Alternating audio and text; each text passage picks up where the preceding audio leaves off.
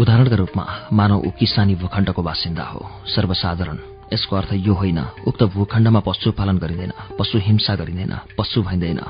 उदाहरणका रूपमा मानव उसित परम्परामा प्राप्त जीवन छ। उदाहरणका रूपमा मानव उसित उत्तराधिकारमा प्राप्त भाग्य छ।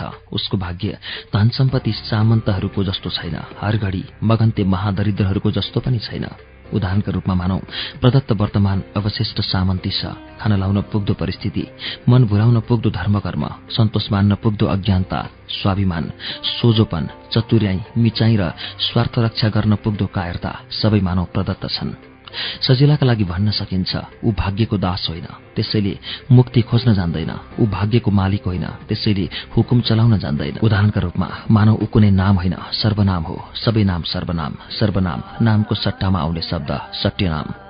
सर्वनाम भनेको उपनाम होइन सर्वनाम भनेको छद्मनाम होइन सर्वनाम भनेको अतिनाम होइन सर्वनाम भनेको अधिनाम होइन सर्वनाम भनेको अल्पनाम होइन सर्वनाम भनेको अनाम होइन सर्वनाम भनेको बदनाम होइन सर्वनाम भनेको सहस्र नाम होइन सर्वनाम भनेको कोटी नाम होइन सर्वनाम भनेको शुभनाम होइन सर्वनाम भनेको शुभनाम होइन ऊ भूखण्डको सर्वनाम हो ऊ पृथ्वीखण्डको सर्वनाम हो प्रत्येक भूखण्ड पृथ्वीखण्डका सार्वनामिक कथाहरू शरीरमा बेग्लै हुन्छन् तर आत्मामा एकै हुन्छन् यसर्थ स्वयं सिद्ध मानव ऊ भूखण्डको सर्वनाम होइन भू सर्वनाम हो पृथ्वीखण्डको सर्वनाम होइन पृथ्वी सर्वनाम हो। अर्को शब्दमा भन्दा सर्वनाम भनेको भूनाम हो सर्वनाम भनेको पृथ्वी नाम हो। सर्वनाम सबै घरमा हुन्छ सर्वनाम सबै टोलमा हुन्छ सर्वनाम सबै गाउँमा हुन्छ सर्वनाम सबै शहरमा हुन्छ सर्वनाम सबै देशमा हुन्छ सर्वनाम सबै विदेशमा हुन्छ सर्वनाम सबै महादेशमा हुन्छ। सर्वनाम मान्छे बाहिरको आवरणमा मात्र होइन मान्छे भित्रको आवरणमा पनि हुन्छ। सर्वनाम मान्छे बाहिरको विश्वासमा मात्र होइन मान्छे भित्रको विश्वासमा पनि हुन्छ। सर्वनाम मान्छे बाहिरको अहंकारमा मात्र होइन मान्छे भित्रको अहंकारमा पनि हुन्छ। सर्वनाम मान्छे बाहिरको आस्थामा मात्र होइन मान्छे भित्रको संस्कारमा पनि हुन्छ। सर्वनाम मान्छे बाहिरको जातिमा मात्र होइन मान्छे भित्रको जातिमा पनि हुन्छ। सर्वनाम मान्छे बाहिरको भाषामा मात्र होइन मान्छे भित्रको भाषामा पनि हुन्छ। सर्वनाम मान्छे बाहिरको धर्ममा मात्र होइन मान्छे भित्रको धर्ममा पनि हुन्छ। सर्वनाम समूहमा एक्लो हुन्छ सर्वनाम एक्लो हुँदा समूहमा हुन्छ एक्लै एक्लै समूहमा वा समूहमा समूहमा एक्लै एक्लै सर्वनामहरू सम्झौता बाँच्छन् युद्ध बाँच्छन् कोमल भावनाहरू बाँच्छन् बौद्धिक संवेदनाहरू बाँच्छन्। उदाहरणका रूपमा मानौ सर्वनामहरू असमानता बाँच्छन्। प्रदत्त असमानतामा समानताका खोजहरू असमान नै हुन्छन्। सर्वनामको आकाश सार्वनामिक हुन्छ। सर्वनामको धरती सार्वनामिक हुन्छ। सर्वनामको सुख सार्वनामिक हुन्छ। सर्वनामको दुःख सार्वनामिक हुन्छ। उदाहरणका रूपमा मानौ सर्वनामको प्राण तत्व सार्वनामिक हुन्छ। सर्वनामको ब्रह्म तत्व सार्वनामिक हुन्छ। सर्वनामको ईश्वरत्व सार्वनामिक हुन्छ। बोधार्थ सर्वनामको बाजे सर्वनाम। बोधार्थ सर्वनामकी बजै सर्वनाम। सम्प्रति सर्वनामको बा सर्वनाम सम्प्रति सर्वनामकी आमा सर्वनाम। उदाहरणका रूपमा मानौ सर्वनामको आदि पिता सर्वनाम सर्वनामकी आदिमाता सर्वनाम। त्यसैले स्मरणार्थ ऊ जीव प्रदत्त सर्वनाम हो ऊ प्रकृति प्रदत्त सर्वनाम हो ऊ ईश्वर प्रदत्त सर्वनाम हो ऊ समाज प्रदत्त सर्वनाम हो ऊ इतिहास प्रदत्त सर्वनाम हो। स्मरण गरौं। स्मरण गर्दा कति कुरा स्मरण गर्नुपर्ने हुन्छ। ज्ञातव्य छ सर्वनामहरू जीव खण्डमा बाँच्छन्। त्यसैले सबैको जीन एक भएर पनि एक जस्तो छैन। ज्ञातव्य छ सर्वनामहरू प्रकृति खण्डमा बाँच्छन्। त्यसैले सबैको प्रकृति एक भएर पनि एक जस्तो छैन। ज्ञातव्य छ। सर्वनामहरू ईश्वर खण्डमा बाँच्छन्। त्यसैले सबैको ईश्वर एक भएर पनि एक जस्तो छैन। ज्ञातव्य छ। सर्वनामहरू समाज खण्डमा बाँच्छन्। त्यसैले सबैको समाज एक भएर पनि एक जस्तो छैन। ज्ञातव्य छ सर्वनामहरू इतिहास खण्डमा बाँच्छन्। त्यसैले सबैको इतिहास एक भएर पनि एक जस्तो छैन। यसर्थ यो स्वयं सिद्ध छ। उज्जिन खण्डमा प्रकृति खण्डमा ईश्वर खण्डमा समाज खण्डमा इतिहास खण्डमा बाँच्ने सर्वनाम हो। उदाहरणका रूपमा मानौ खण्डहरू अखण्ड छन्। त्यही कारणले ऊ एक अखण्ड सर्वनाम हो भनेर पुनः प्रमाणित गरिन्छ। सर्वनाम भूखण्डीय कथाको नायक हो तर नायक मात्र होइन। सर्वनाम भूखण्डीय कथाको खलनायक हो तर खलनायक नायक मात्र होइन। सर्वनाम भूखण्डीय कथाको प्रनायक हो तर प्रनायक मात्र होइन। उदाहरणका रूपमा मानौ सर्वनाम भूखण्डीय अखण्डीय नायक खलनायक प्रनायक हो। सर्वनामको यस स्वरूपमा त्रिरूप छैनन् अरूप बेरूप र प्रतिरूप छैनन्। द्रष्टव्य छ सर्वनाम त्रिदेव होइन। त्रिदैत्यको अवधारणा कतै छैन। उदाहरणका रूपमा मानव यो भूखण्डीय अखण्डीय कथामा यस्ता गल्तीहरू हुन्छन् अक्षम्य अपराधहरू हुन्छन्। तर सर्वनामले कुनै गल्ती गर्दैन सर्वनामले कुनै अपराध गर्दैन। नाम मात्रको राजाले गल्ती गर्दैन। कथन छ? सर्वनामले कुनै गल्ती गर्दैन। जीवन छ। उदाहरणका रूपमा मानव जसले गल्ती गर्दैन उसले ठिक पनि गर्दैन। जसले ठिक गर्दैन उसले गल्ती पनि गर्दैन। अर्को शब्दमा भन्दा सर्वनामले ठिक बेठिक दुवै गर्दैन। भूल अभुल दुवै गर्दैन। अपराध अनपराध दुवै गर्दैन। सर्वनाम यस्तो कुनै चेतना राख्दैन। उदाहरणका रूपमा मानौ यो अचेतना नै सर्वनामको महान चेतना हो। यसर्थ समस्त भूखण्डीय गल्तीहरू सार्वनामिक चेतनाहरू पर्छन्। यसको अर्थ यो होइन नगण्य गण्य ठिकहरू सार्वनामिक चेतनाभित्र पर्छन्। सार्वनामिक भूखण्डहरूमा कि ज्ञान विज्ञानको आभास हुन्छ कि आभासको विज्ञान ज्ञान हुन्छ? मिठाभ्यास मानिलिउ आधुनिक सत्याभास हो। सत्याभास मानिलिउ आधुनिक मिठाभ्यास हो। उदाहरणका रूपमा मानव जातिहरू समीचिन्ताको दिग्भ्रम बाँचिरहेछन्। धर्महरू समीचिन्ताको दिग्भ्रम बाँचिरहेछन्। समाजहरू समीचिन्ताको दिग्भ्रम बाँचिरहेछन्। देशहरू समीचिन्ताको दिग्भ्रम बाँचिरहेछन्। र सर्वप्रसङ्ग सारांश समीचिन्ताको दिग्भ्रममा मानिसहरू सुविश्वको भारी मनी परविश्व बाँचिरहेछन्। यो मूर्छा हो यो जागरण हो यो अटुट अविराम अविच्छिन्न आदिमता हो। उदाहरणका रूपमा मानौ यो अटुट आदिमता नै सर्वनामको अध्यावधिक कथा हो। यो अविराम आदिमता नै सर्वनामको अध्यावधिक कथा हो। निर्माण गरौं एउटा परिकल्पना। सार्वनामिक कथामा मोडहरू हुन सक्छन्। सार्वनामिक इतिहासमा मोडहरू हुन सक्छन्। मानिलिउ मोडहरूमा मोडहरू मोडिन्छन्। मानिलिउ मोडहरूमा मोडहरूका हाँगा लाग्छन्। प्रकल्पना गरौं। भूखण्डीय पृथ्वीखण्डीय इतिहासमा संक्रान्तिहरू सम्भव छन्। सम्भव छैनन्।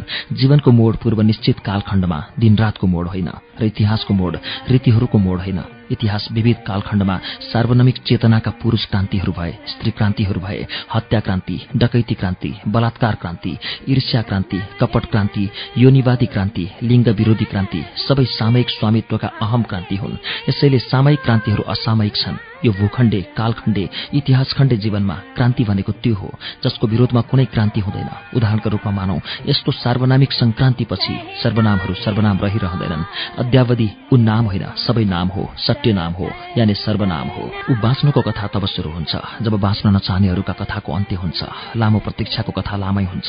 छोटकरीमा कसरी भन्नु यो डुब्दै गएको निराश आशाको प्रतीक्षापछि आफ्नो तरुणी खेतमा बिरुवा उम्रेको प्राप्तिमा आनन्द बग्न र हर्ष विभोर सर्वनाम बाबुको तुलना सायद अनुभूतिको नापमा कुनै सार्वनामिक धर्मको सर्वनाम स्रष्टा ईश्वर सिद्ध गर्न सकिन्छ। तर शब्दमा यो शब्दातीत जस्तो प्रतीत हुन्छ जुन एकदमै शब्दातीत छैन त्यो तृष्णा हो। तरुणी खेतमा बिरुवा टुसाएपछि मायाको तृष्णा जाग्छ। यो बाबु तृष्णा हो। वंशरक्षार्थ उत्तराधिकारीप्रति यो तृष्णा आवश्यक मानिने परम्परामा उसको बाबुको तृष्णा अमेट हुन्छ। अमेट तृष्णामा उसको बाबुको जीवन इच्छा बिरुवाको हेरविचारमा समर्पित भइरहन्छ। यही अमेट तृष्णामा उम्रेर माया गरिनका लागि ऊ सधैँ सानो कलिलो भाले बिरुवा हुन्छ। यो समयको सृष्टिभ्रम होइन बाबुको दृष्टिभ्रम हो। समयले त उसलाई तरुण पारिसकेको हुन्छ। बाबुको तृष्णा राम्ररी नमेटिँदै तरुण हुनु न बाबुको दुर्भाग्य हो न छोराको सौभाग्य हो। ऊ तारुण्डेको न अति प्रदर्शन गर्छ न अल्प प्रदर्शन गर्छ अति प्रदर्शनमा अभयदान छ अल्प प्रदर्शनमा अपौरुषता छ छोरो वंश वृक्षको मूल जरो हो। यसैले तारुण्डेका लालीहरू लुकाउनु पापै हो उसलाई यो ज्ञान छैन तर उसित यो परम्परा छँदैछ। ऊ आम तरुणहरू झैं संस्कारवश जैविक संरचनात्मक आवश्यकताले गर्दा अरूका खेत र बिरुवाहरूमा आँखा लाउन थाल्छ। सायद ऊ यसरी आँखा लाउनु हुन्न भन्ने सार्वनामिक परम्पराको मान्छे हो तर यस्तो उपदेश जवानीमा उपदेशकहरूले पनि बिर्सन्छन्। उसलाई सम्झना छ छिमेकको एउटा खेतमा उसले सर्वप्रथम तारुण्डेका आँखा गाडेको थियो। खेत तरुण नै थियो तर बोट बिरुवाको अनियन्त्रित उम्राइले गर्दा अस्वस्थकर पारामा झोलिएको थियो। ऊ यो झोल्लाइमा पनि सौन्दर्य देख्न सक्थ्यो। प्रत्येक गोधुली साँझ ऊ घुम्ने न्युले सार्वजनिक कानलै कान्ला भई झोलिएको खेतसम्म पुग्थ्यो र झण्डै झण्डै कानसम्म मुख च्यातेर हाँस्दै चिल झैं खेत वरिपरि कावा खाइरहन्थ्यो। झोलिएको खेत ससाना बोट बिरुवाहरूले नढाकिएका मुलायम माटाहरूमा घाम पारेर टल्किए झैँ गरी मुसुक्क मुसुक्क हाँस्थ्यो। जवाफमा ऊ एउटा मिठो प्रेमधुन सुसेलिदिन्थ्यो। छरछिमेकका अन्य तरुणा खेतहरू र खेतका मालिकहरू केही नदेखे झैँ गर्थे तर सबै कुरा गरिरहन्थे। कहिलेकाहीँ कुनै तरुणी खेत वा कुमारी बिरुवाको हाँसो फुस्किहाल्यो भने उनीहरू त्यो नसुने झैँ गर्थे। सायद एक प्राकृत सन्तुलनका लागि यो अभिनयात्मक समझदारी आवश्यक थियो तर प्रकृतिमा सधैँ सन्तुलन भइरहँदैन। प्राकृतिक असन्तुलनको कथा तब सुरु हुन्छ जब झोलिएको खेतको मालिकलाई कुनै नझोलिएको खेतको मालिकले छुस्स कुरा लगाइदिन्छ ह के रे झोलिएको खेतको मालिक ठुलै बम बनेर पड्किन तयार हुन्छ। खेतका सबै टलकहरू सिलहटमा पर्छन्। खेत देखेपछि सबैले आँखा लाउँछन्। आफ्नो खेतको रक्षा गर्नु छैन उल्टो खेतैमाथि पड्किने यस्तो काम नामर्दहरूले मात्र गर्छन्। नझोलिएको खेतको मालिक झोलिएको खेतको बचाउमा उभिन्छ। के गरौँ त? बम ठण्डा हुन्छ। आँखा लाउनेका आँखा फोर। नझोलिएको खेतको मालिक अन्तर्मनमा कुनै राय नबजाइकन आफ्नो न्याय सुनाइदिन्छ। झोलिएको खेतको मालिक सन्तुष्ट हुन्छ। प्रत्यक्षित साँझ ढिलो पर्छ। सार्वजनिक कान्लाहरूमा जसभित्र उम्लेका रगतले सुसेल्दै जब ऊ त्यहाँ आइपुग्छ कुनै प्राकृतिक शक्तिले उसलाई सामातेनबाट बचाउन सक्दैन। तेरीमा गुण्डो ऊ जीवनमा पहिलोपल्ट एउटा भद्दा गाली सुन्छ। उसलाई कानमा किरा पसे जस्तो अत्याउने पीडा हुन्छ। ऊ केही अक्मकिन्छ केही भगभकिन्छ छिमेकी भएर छिमेकीको खेतमा आँखा लाउनु भएन भाइ। नझोलिएको खेतको मालिक उसलाई दया गरेर होइन। उसको बाबुलाई आदर गरेर बोल्छ। किन आँखालाई मेरो खेतमा आँखा फरिदिउँ? झोलिएको खेतको मालिक रिसले बुरुक बुरुक उफ्रिन्छ। ऊ राम्रै बुझ्छ। आँखा फर्ने तागत हुनेले आँखा फर्ने धम्की दिँदैन। ऊ किशोर दृष्टिले खेत मालिकको वास्तविक शक्तिको अनुमान लाएर मनमा नै आश्वस्त हुन्छ। खेत बाली बिरुवा भनेको हामी मान्छेको धन हो। मान्छेले आफ्नो धनको रक्षा आफै गर्नुपर्छ। तर परेका बेला छिमेकीले छिमेकी धनको पनि रक्षा गर्नुपर्छ। छिमेकी धनमै डाका मार्ने हो भने मान्छे र पशुमा के फरक पर्छ? नझोलिएको खेतको मालिक उपदेशमा ओर्लिन्छ। झोलिएको खेतको मालिक श्राप दिन नसकेको दुर्वासा झैं थरथरी काँपिरहन्छ। अंगार बनेर रिसको आगोले ऊ घोसे मुन्टो लाउनु बाहेक अरू कुनै प्रतिक्रिया जनाउन सक्दैन। साँझले रातमा प्रगति गर्न थाल्छ। आफ्ना खेतबाट फुर्सद पाएका र फुर्सद निकालेर आएका अन्य केही खेत मालिकहरू उसका कानहरूमा सास फेर्न जम्मा भएका हुन्छन्। ऊ लाजले मुरमुरिन थाल्छ। तेरीमा गुण्डो। किन अर्काको खेतमा आँखा लाइस? भने गुण्डो। अरू खेत मालिकहरूलाई देखेपछि झोलिएको खेतको मालिकले बल्नका लागि थप इन्धन प्राप्त गर्छ। उसलाई यो पटक पटकको बेजती असह्य लाग्छ। उठे जवाफमा ऊ साफ गरी पड्किन्छ। अर्काको खेतमा आँखा लाउन नजान्नेहरूले कसरी खेती गर्न सिक्छन् त? यसपछि अतिरिक्त बेजतीहरूबाट बस्न ऊ टाप कस्छ। बाटामा पर्ने अन्य सुकुमारी अकुमारी खेतहरू बारीहरू टारीहरू तरेलीहरू कतै पनि आँखा नफालिकन सोझे घर आइपुग्छ। भर्याङमा सास फालेर आफ्नो कोठामा सास तान्न पुग्छ। त्यस अप्रिय रातभरि उसलाई आफ्नै संस्कारले धिक्कारी रहन्छ मनमनै क्रिया खान्छ। हुन्छ। अबदेखि यसो गर्दिन। गरे पनि यति उदाङ्गो हुँदिन। हप्ता दिनसम्म ऊ घरबाट निस्किँदैन। ऊ बाबुको पूर्ण आज्ञाकारी छोरो भई बस्छ बालाई कुरा लगाइदियो भने के गर्ने होला? यो एक यस्तो प्रश्नवाचक डर हुन्छ जसले उसलाई भूतले भन्दा बढी तर्साइदिन्छ। उसलाई भोजन रुच्दैन। निद्रा पनि राम्ररी पर्दैन। चिन्ताले ऊ चिन्तनशील देखिन्छ। के भएछ यसलाई? घरमा उसको आवश्यक चिन्ता लिइन्छ। सातौं दिनको अन्त्येष्टिसम्म पनि बाबु नजङ्गिएपछि ऊ भूत जस्तो सन्तासबाट आफै मुक्त हुन्छ। मान्छेहरू नभएको भूतसित डराउँछन्। म नभएको डरसित डराएछु। थुक्क उसलाई एउटा मिठो पश्चाताप हुन्छ। यसभन्दा पहिले उसलाई पश्चाताप यति मजा लाग्दो हुन्छ भन्ने थाहा थिएन। ऊ पूर्व अज्ञानमा वा सट्टा ज्ञानमा मुसुक्क हाँस्छ। बेला कुबेला झोलिएको खेतको मालिक रिसाएको हाउभाउ सम्झेर ऊ मूर्छा परि हाँस्छ। सिल्ली त भएन यो। घरमा उसको अर्को आवश्यक चिन्ता लिइन्छ। ऊ भने पूरा पूरा निर्भय निश्चिन्त हुन्छ। हप्ता दिने भोकमरीको क्षतिपूर्तिमा ऊ भक्कु खान्छ। ढित मारेर सुत्छ। भोलिपल्ट आठौं दिनमा जब ऊ घर बाहिर निस्कन्छ एक अघोषित विश्वविजेता उसको आत्मामा पसिसकेको हुन्छ। ऊ यो सोच्नमा भूल गर्दैन। विश्वविजेता चलाखीपूर्ण योजनाहरूले बनिन्छ। मूढ धावाहरूले बनिँदैन। जब ऊ पर्याप्त होसियार हुन्छ आफूलाई पर्याप्त अनुभवी भएको ठान्छ एउटा भूलले सयवटा भूलबाट कसरी बस्ने भन्ने महान पाठ पढेपछि ऊ दुनियाँलाई उही आँखाले हेर्दैन। यसर्थ दुनियाँ बेग्लै देखिन्छ अब उसलाई लाग्न थाल्छ झोलिएका खेतबारीमा मोहित हुनु समयको महान बर्बादी हो। अलिकति अमर्यादित र अशोभनीय कुरा पनि हो। सबभन्दा नमिठो कुरा यो आफ्नो अक्षत यौवन सुहाउँदो चयन नै भएन। साँच्चै भन्ने हो भने यो एक शानदार नामर नामर्दगी नै हो। ऊ आफ्नो कठोर आलोचना गर्छ। पृष्ठ प्रदेशमा यो सोचाइ हुन्छ कि यौवनको चयन समान धर्मी हुनुपर्छ। जीवनमा यही चयन सही चयन नै मोक्ष हो। अब ऊ अरूका भोगहरूबीच विश्रान्ति प्राप्त खेतबारीहरूमा पटक्कै आँखा लाउँदैन। ऊ त्यो स्तरबाट माथि उठिसकेको हुन्छ। आफ्नो यौवन सुहाउँदो चयन भन्ने मनको नारा अनुरूप ऊ अब भर्खरका किशोरी बोटहरू र तरुणी बिरुवाहरूमा रुचि लिन थाल्छ। यो अभिरुचिमा अनन्त ब्रह्माण्ड सृष्टि हुन्छन्। यो विराटताको अनुपम सौन्दर्यमा ऊ आफ्नो ब्रह्माण्ड चयन गर्न सक्दैन। उसलाई सबै ब्रह्माण्ड आफ्नै जस्तो लाग्छ। त्यसैले कुनै पनि आफ्नो लाग्दैन। सायद यो यौवनकालको रोग हो जहाँ पीडा हुँदैन आनन्द हुन्छ। सायद पीडामा पनि आनन्द हुन्छ। यो आनन्दका पछाडि दगुरी रहन्छ। प्राप्तिमा आनन्द नभए पनि तरुणी बिरुवाहरू नजिकका छिमेकहरूमा पनि हुन्छन् टाढाका छिमेकहरूमा पनि हुन्छन्। जोखिम उठाउन मन नपराउने स्वभावले गर्दा उसलाई टाढाका बिरुवाहरू नै बढी आकर्षक सौन्दर्ययुक्त र फलदार लाग्छन्। उति तारुण्डेले झाँगिएका तरुणी वृक्षका रस्तार पाकेका फलहरू यथार्थमा कम र दिवा सपनामा बढी चाख्दै हिँड्छ। उसको खानदानी इज्जत र परम्परा सचेष्ट आठ तरुणी वृक्षबाट झरेका फलहरू खानमा नै सीमित हुन्छ। कहिलेकाहीँ निर्विघ्न मौका प्राप्त भयो भने उस समयको दुरूपयोग उफ्रिएर वृक्षका नझरेका फलहरू ननिमोट्ने सभ्यतामा गर्दैन।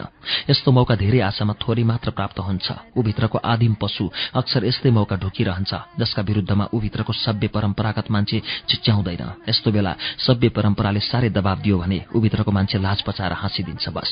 तर एक अप्रत्याशित साँझ उसको आदिमता गजबले परम्पराको पक्राउमा पर्छ। सार्वजनिक बाटाका छेउछाउमा भाग्यले पाइने कुनै तरुणी वृक्षको फल चाख्ने मौकाको शिकार खेल्ने तयारी गर्दै घरबाट निस्कने उपक्रम गरिरहेका बेला ऊ कसैको आत्माको स्वर सुन्छ। मेरो बेच्नुपर्ने एउटै बिरुवा हो। कि छोराका लागि किन्नु पर्यो? कि छोरालाई सम्झाउनु पर्यो? यो आत्माको आवाज जोसुकैको भए पनि ऊ त्यसको सन्दर्भ र अर्थ बुझ्न गल्ती गर्दैन। लौ मार्यो।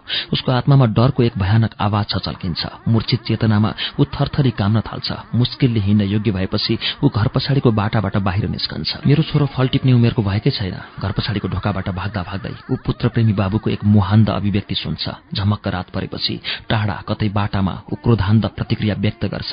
यी भएको छैन। यसपछि ऊ अत्यन्त निरीह विवश र रुन्चे हाँसो हाँस्छ। ऊ आफ्नो सुरक्षामा ईश्वरको नाम धेरैपल्ट लिन्छ तर प्रत्येक पल्ट उसलाई लाग्छ शैतानलाई ईश्वरले रक्षा गर्दैन। अन्तत घरबाट भागेको पूरा साढे तीन घण्टापछि ऊ पटक्कै आँट नभएको तर आवश्यकता भएको चोर झैँ घरमा दाखिल हुन्छ।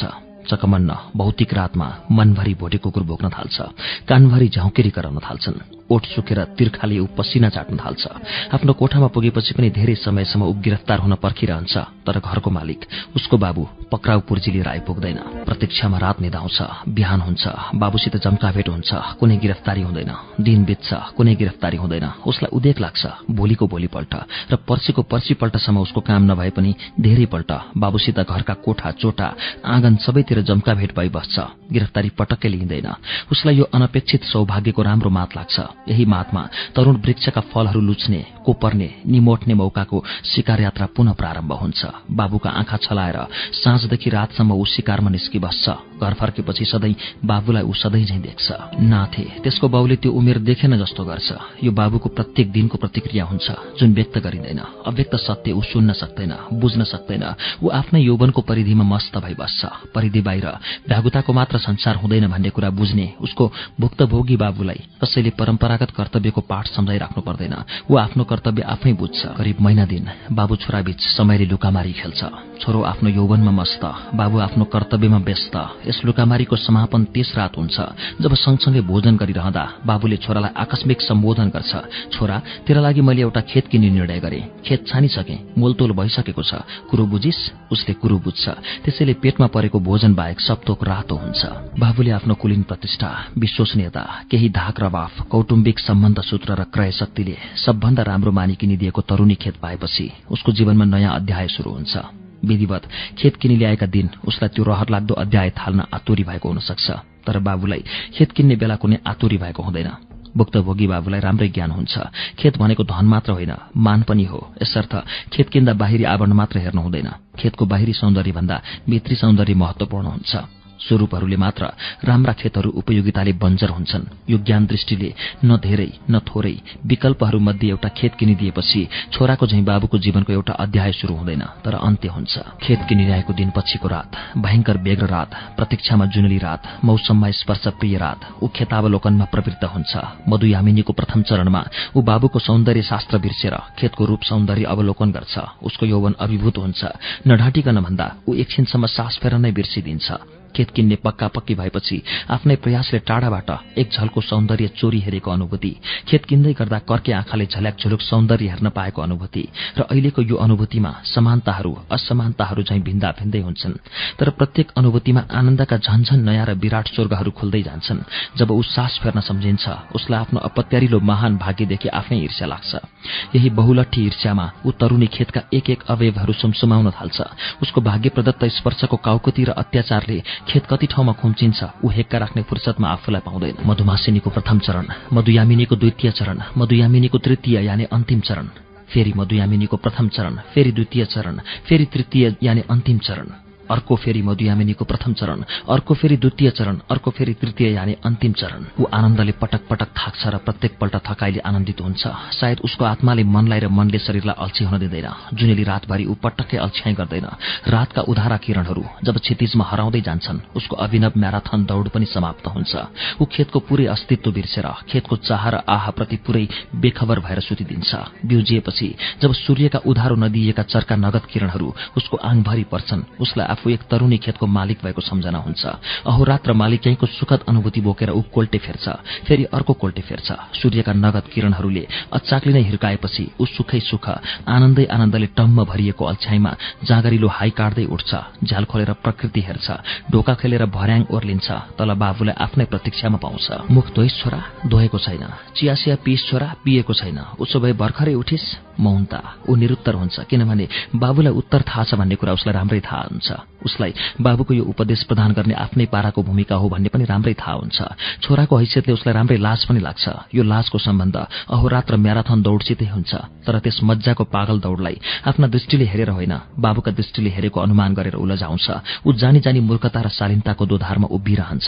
तरुणी खेत पाएपछि मान्छेको भाग्य र कर्म दुवैको परीक्षा सुरु हुन्छ। जो यस परीक्षामा उत्रन्छन् उनीहरूले कुल र परम्पराको इज्जत थाम्छन् यो बाबुले छोरालाई भन्नै पर्ने कुरो हो। कुरो बुझिस? बुझे उसले भन्छ। मेरा बाबुले पनि मलाई यही भनेका थिए। मान्छेको परीक्षा तरुणी खेतमा हुन्छ। तेरो परीक्षा सुरु भयो अब। यो परीक्षामा कहिले पनि उदासीन नहुनु। कहिले पनि उत्ताउलो नहुनु। कुरो बुझिस? अँ बुझे। केही अल्मलिएर कुरो बुझेपछि उसले छुट्टी पाउँछ। ऊ धारामा जान्छ। ऊ भान्सा कोठामा जान्छ। ऊ सूची कोठामा जान्छ। ऊ आफ्नो कोठामा जान्छ। आफूलाई व्यवस्थित पारेर ऊ घरबाट निस्कन्छ। बाटामा पाइला चाल्दा ती ठोस नभएर बाष्पीकृत हुन्छन्। उसलाई सधैँ हिँडिरहेको जमिनमा उडे उडे जस्तो रोमाञ्चक अनुभूति हुन्छ। यतिखेर उसको यौवनका कर्मेन्द्रियहरू कुनै अतिरिक्त माग राखी हडतालमा उत्रिँदैनन्। कर्मेन्द्रियहरू शान्त र सन्तुष्ट हुन्छन्। यसर्थ ज्ञानेन्द्रियहरू कुनै डर दबाव र तनावमा हुँदैनन्। यी सबै मधुयामिनीका सुखद नतिजा हुन् भन्ने सम्झी ऊ मुसुक्क हाँस्छ र सायद उत्ताउलो नहुने अभिप्रायले बाबुको उपदेश सम्झन्छ। तरुण वर्तमानको बुढो बिहानी ऊ बिना लक्ष्यको चेतना र बिना उद्देश्यको भावना अनुभूतिमा उडेर हिँडिरहन्छ।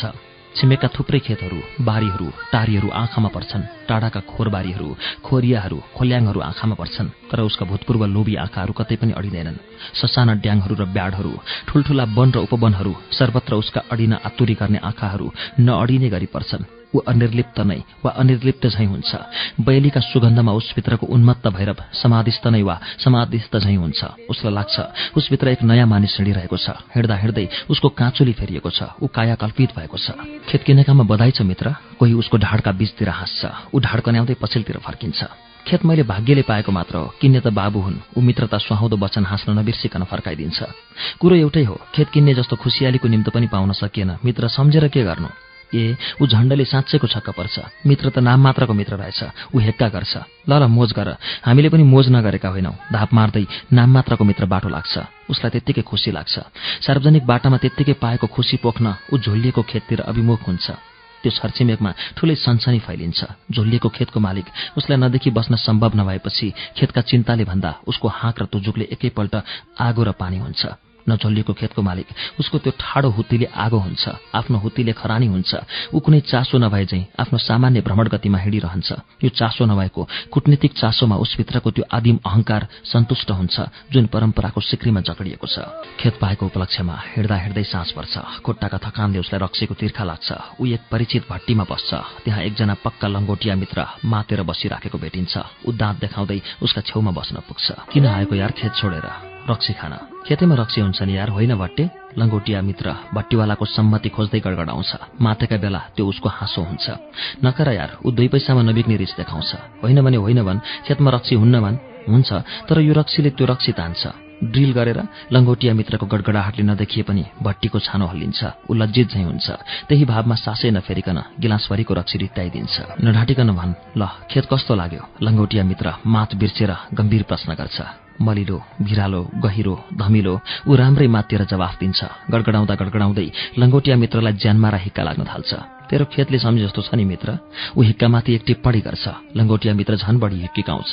हाँसोको गडगडाहाट मत्थर भएपछि लङ्गोटिया मित्र एकैपल्ट आधा गिलास रक्सी घुट्क्याउँछ उसलाई लाग्छ मित्र रक्सी होइन हिक्का घुटकुर्दै आउँदैछ खेतले सम्झेर के गर्ने? दुई पैसा काम लाग्दैन। हिक्का राम्रै घुटिएपछि लङ्गोटिया मित्र टिप्पणीमाथि मुख बिगार्छ। किन नि ऊ जिज्ञासाले चुलिन्छ। खेत र मान्छेको सम्बन्ध ठ्याक्क उल्टो हुन्छ। कुरो बुझिस् त? अह ऊ इमान्दार हुन्छ। कुरो कसरी बुझ भने खेत किनेर ल्याएपछि सुरु सुरुमा मान्छेले खेतै मात्र सम्झिरहन्छ। तर खेतले मान्छे सम्झँदैन। यसको कारण के भन्लास् भने मान्छेको स्वामित्व दानमा प्राप्त अधिकारबाट सुरु हुन्छ र अत्याचारमा टुङ्गिन्छ। कुरो बुझिस्? अँ अलिअलि। कता कता लाज लागे चाहिँ भएर उसका मुखमा सङ्कुची कुनाहरू च्यातिन्छन्। म के भन्दै थिएँ अरे? लङ्गोटिया मित्र माथको उत्साहमा कुरो बिर्सिदिन्छ अकस्मात। उही उल्टो सम्बन्ध ऊ कुरो सम्झाइदिन्छ। ए अँ सुरु सुरुमा मान्छेले खेत सम्झन्छ खेतले मान्छे सम्झँदैन तर पछि पछि खेतले मान्छे सम्झन्छ मान्छेले खेत सम्झँदैन। किनभने ऊ प्रश्न गर्छ। त्यति पनि थाहा छैन? अह मान्छे लाटै रहेछ। लङ्गोटिया मित्र फेरि गडगडाउँछ। झ्याम्मै नहिकेकाएर। यस्ताले त आफ्नो खेतलाई पनि अर्काको हो भन्न बेर लाउँदैनन्। भन्न भन् ऊ मुखले अबुझ भई जिद्दिनै गर्छ। मनभित्र भने लङ्गोटिया मित्रको पछिल्लो कुरो नराम्ररी बित्छ। ऊ आफूलाई घायल अनुभव गर्न थाल्छ। के भन्ने अब? यस्तो कुरा मान्छेले त्यसै बुझ्नुपर्छ मर्द हो भने। लङ्गोटिया मित्र फेरि गडगडाउँछ। तर नामर्द भए पनि मित्र होस् भनिदिन्छु। भन्नु पर्दैन थाहा छ मलाई। उसलाई नामर्द भनिएको पटक्कै मन पर्दैन। पछि पछि खेतको चमक हराउँछ नर्मी हराउँछ। त्यो खोलाको बगर चाहिँ रुखो र ढुङ्ग्यानी हुन्छ। यही भन्न खोजेको होइनस्? लङ्गोटिया मित्र कुरो सुन्न उघारेको मुख बन्द गर्न बिर्सिदिन्छ।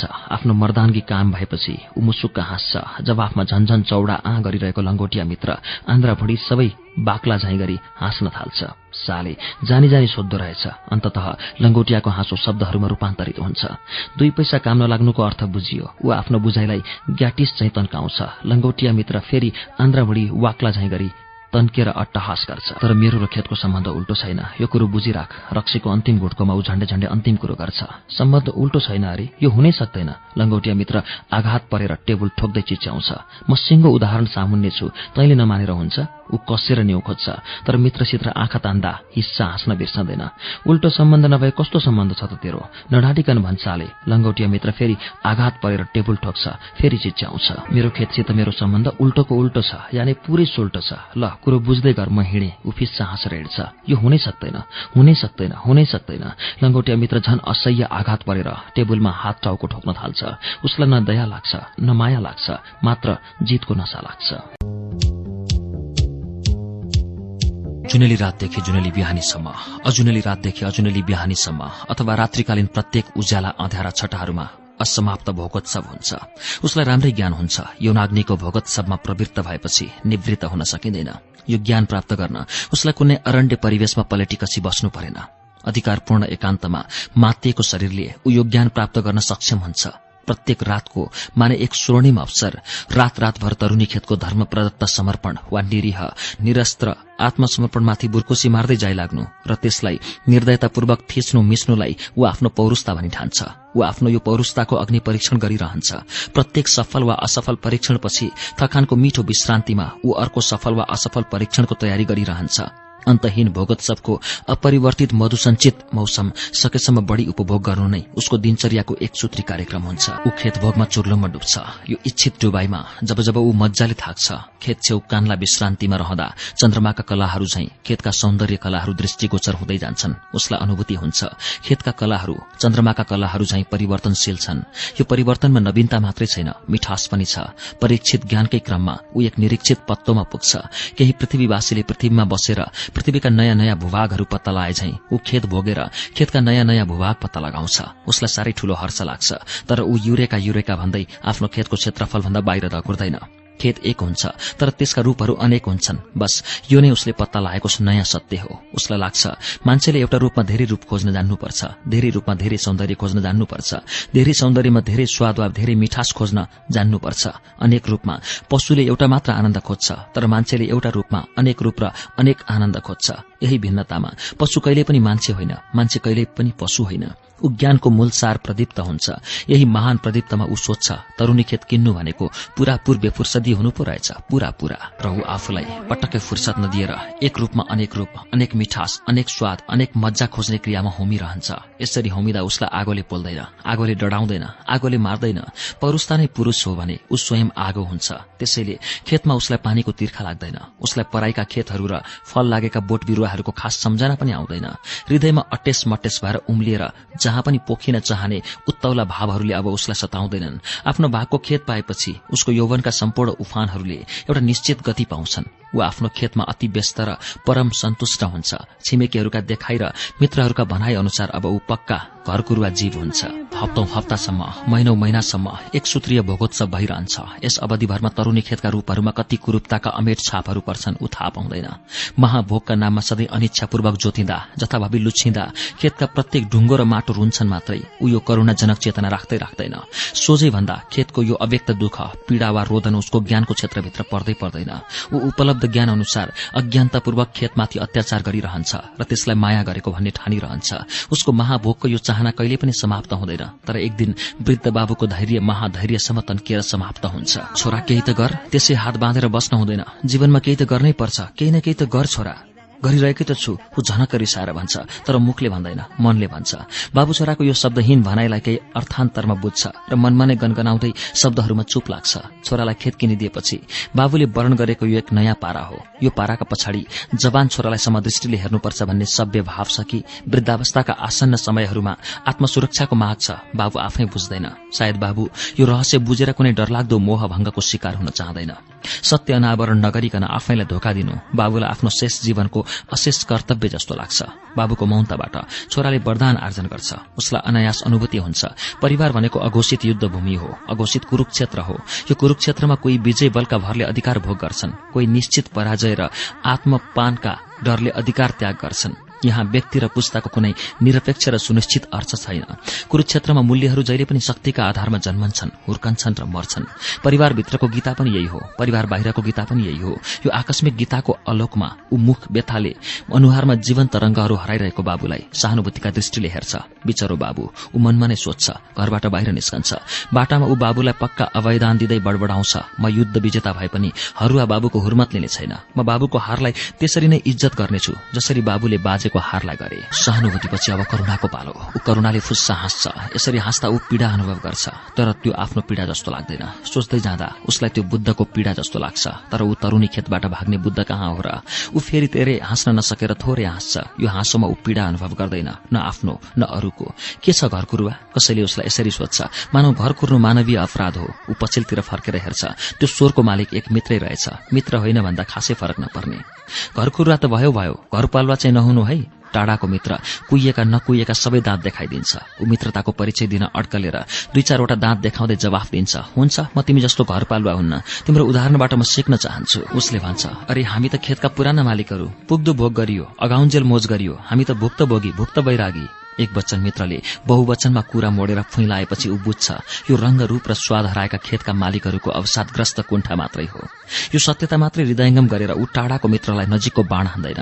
हिँड्दै गर्दा बाटामा अरू पनि टाढाका मित्रहरू भेटिन्छन्। ऊ दिक्क हुन्छ किन टाढाका मित्रहरू मात्र भेटिन्छन् बाटामा? ऊ छक्क पर्छ कतै नजिकका मित्रहरू नभएर त होइन। मोजगर मोजगर सिकाउनु पर्दैन क्या ऊ भन्छ। धुप हालेपछि राम्ररी जाग्छ नि। हाहा हिही टाढा लाग्ने मित्रहरू नजिक सम्झेर कुरा गरिदिन्छन्। ऊ प्रत्येकलाई ओठे जवाफ दिएर उम्कन चाहँदैन। अनिच्छाको यो जालमा ऊ जानी जानी फसिरहन्छ। सायद जालमा फस्दा आफ्नै पाराको सुख हुन्छ। कम्तीमा पनि यो शब्दानुभूति होइन भन्ने कुरा उसका दाँतका चम्काईहरूले अभिव्यक्ति गरिरहन्छन् तर टाढाका मित्रहरू आफ्नै अभिव्यक्तिहरूमा मस्त भइरहन्छन्। हाम्रो मित्रले खेत भोगिरहेको छैन। म ठोकेर भन्न सक्छु दिल्लगीको मध्यान्तरतिर एकजना टाढाको मित्र कान खाने आवाजमा गम्भीर हुन्छ। भोगिरहेको छैन भने के गरिरहेको छ त? अर्को टाढाको मित्र खास गम्भीर नभइकनै प्रश्न गरिदिन्छ। मित्रको खेत खेत नभएर मापाको दलदल हो। ऊ दलदलमा फसिसकेको छ। कान खाने आवाजको गम्भीरता दिल्लगीमा परिणत हुन मान्दैन। मौका पाए सबै दलदलमा फस्छन्। अर्को टाढाको मित्र नाङ्गो सत्यलाई उदाङ्गो पार्ने मौका छोड्दैन। मैले त्यो फसाईको कुरो गरेको होइन। त्यो खेतीपातीको फसाईमा त सबै फस्छन्। त्यो त जीवनका लागि नभई नहुने फसाई हो। कान खाने आवाजको गम्भीरताले आफ्नो साम्राज्यको विस्तार गरेरै छोड्छ। हाम्रो मित्रको फसाई कस्तो हो त? खासै गम्भीर नहुने टाढाको मित्र आफ्नै अज्ञानतामा गम्भीर भएरै छोड्छ।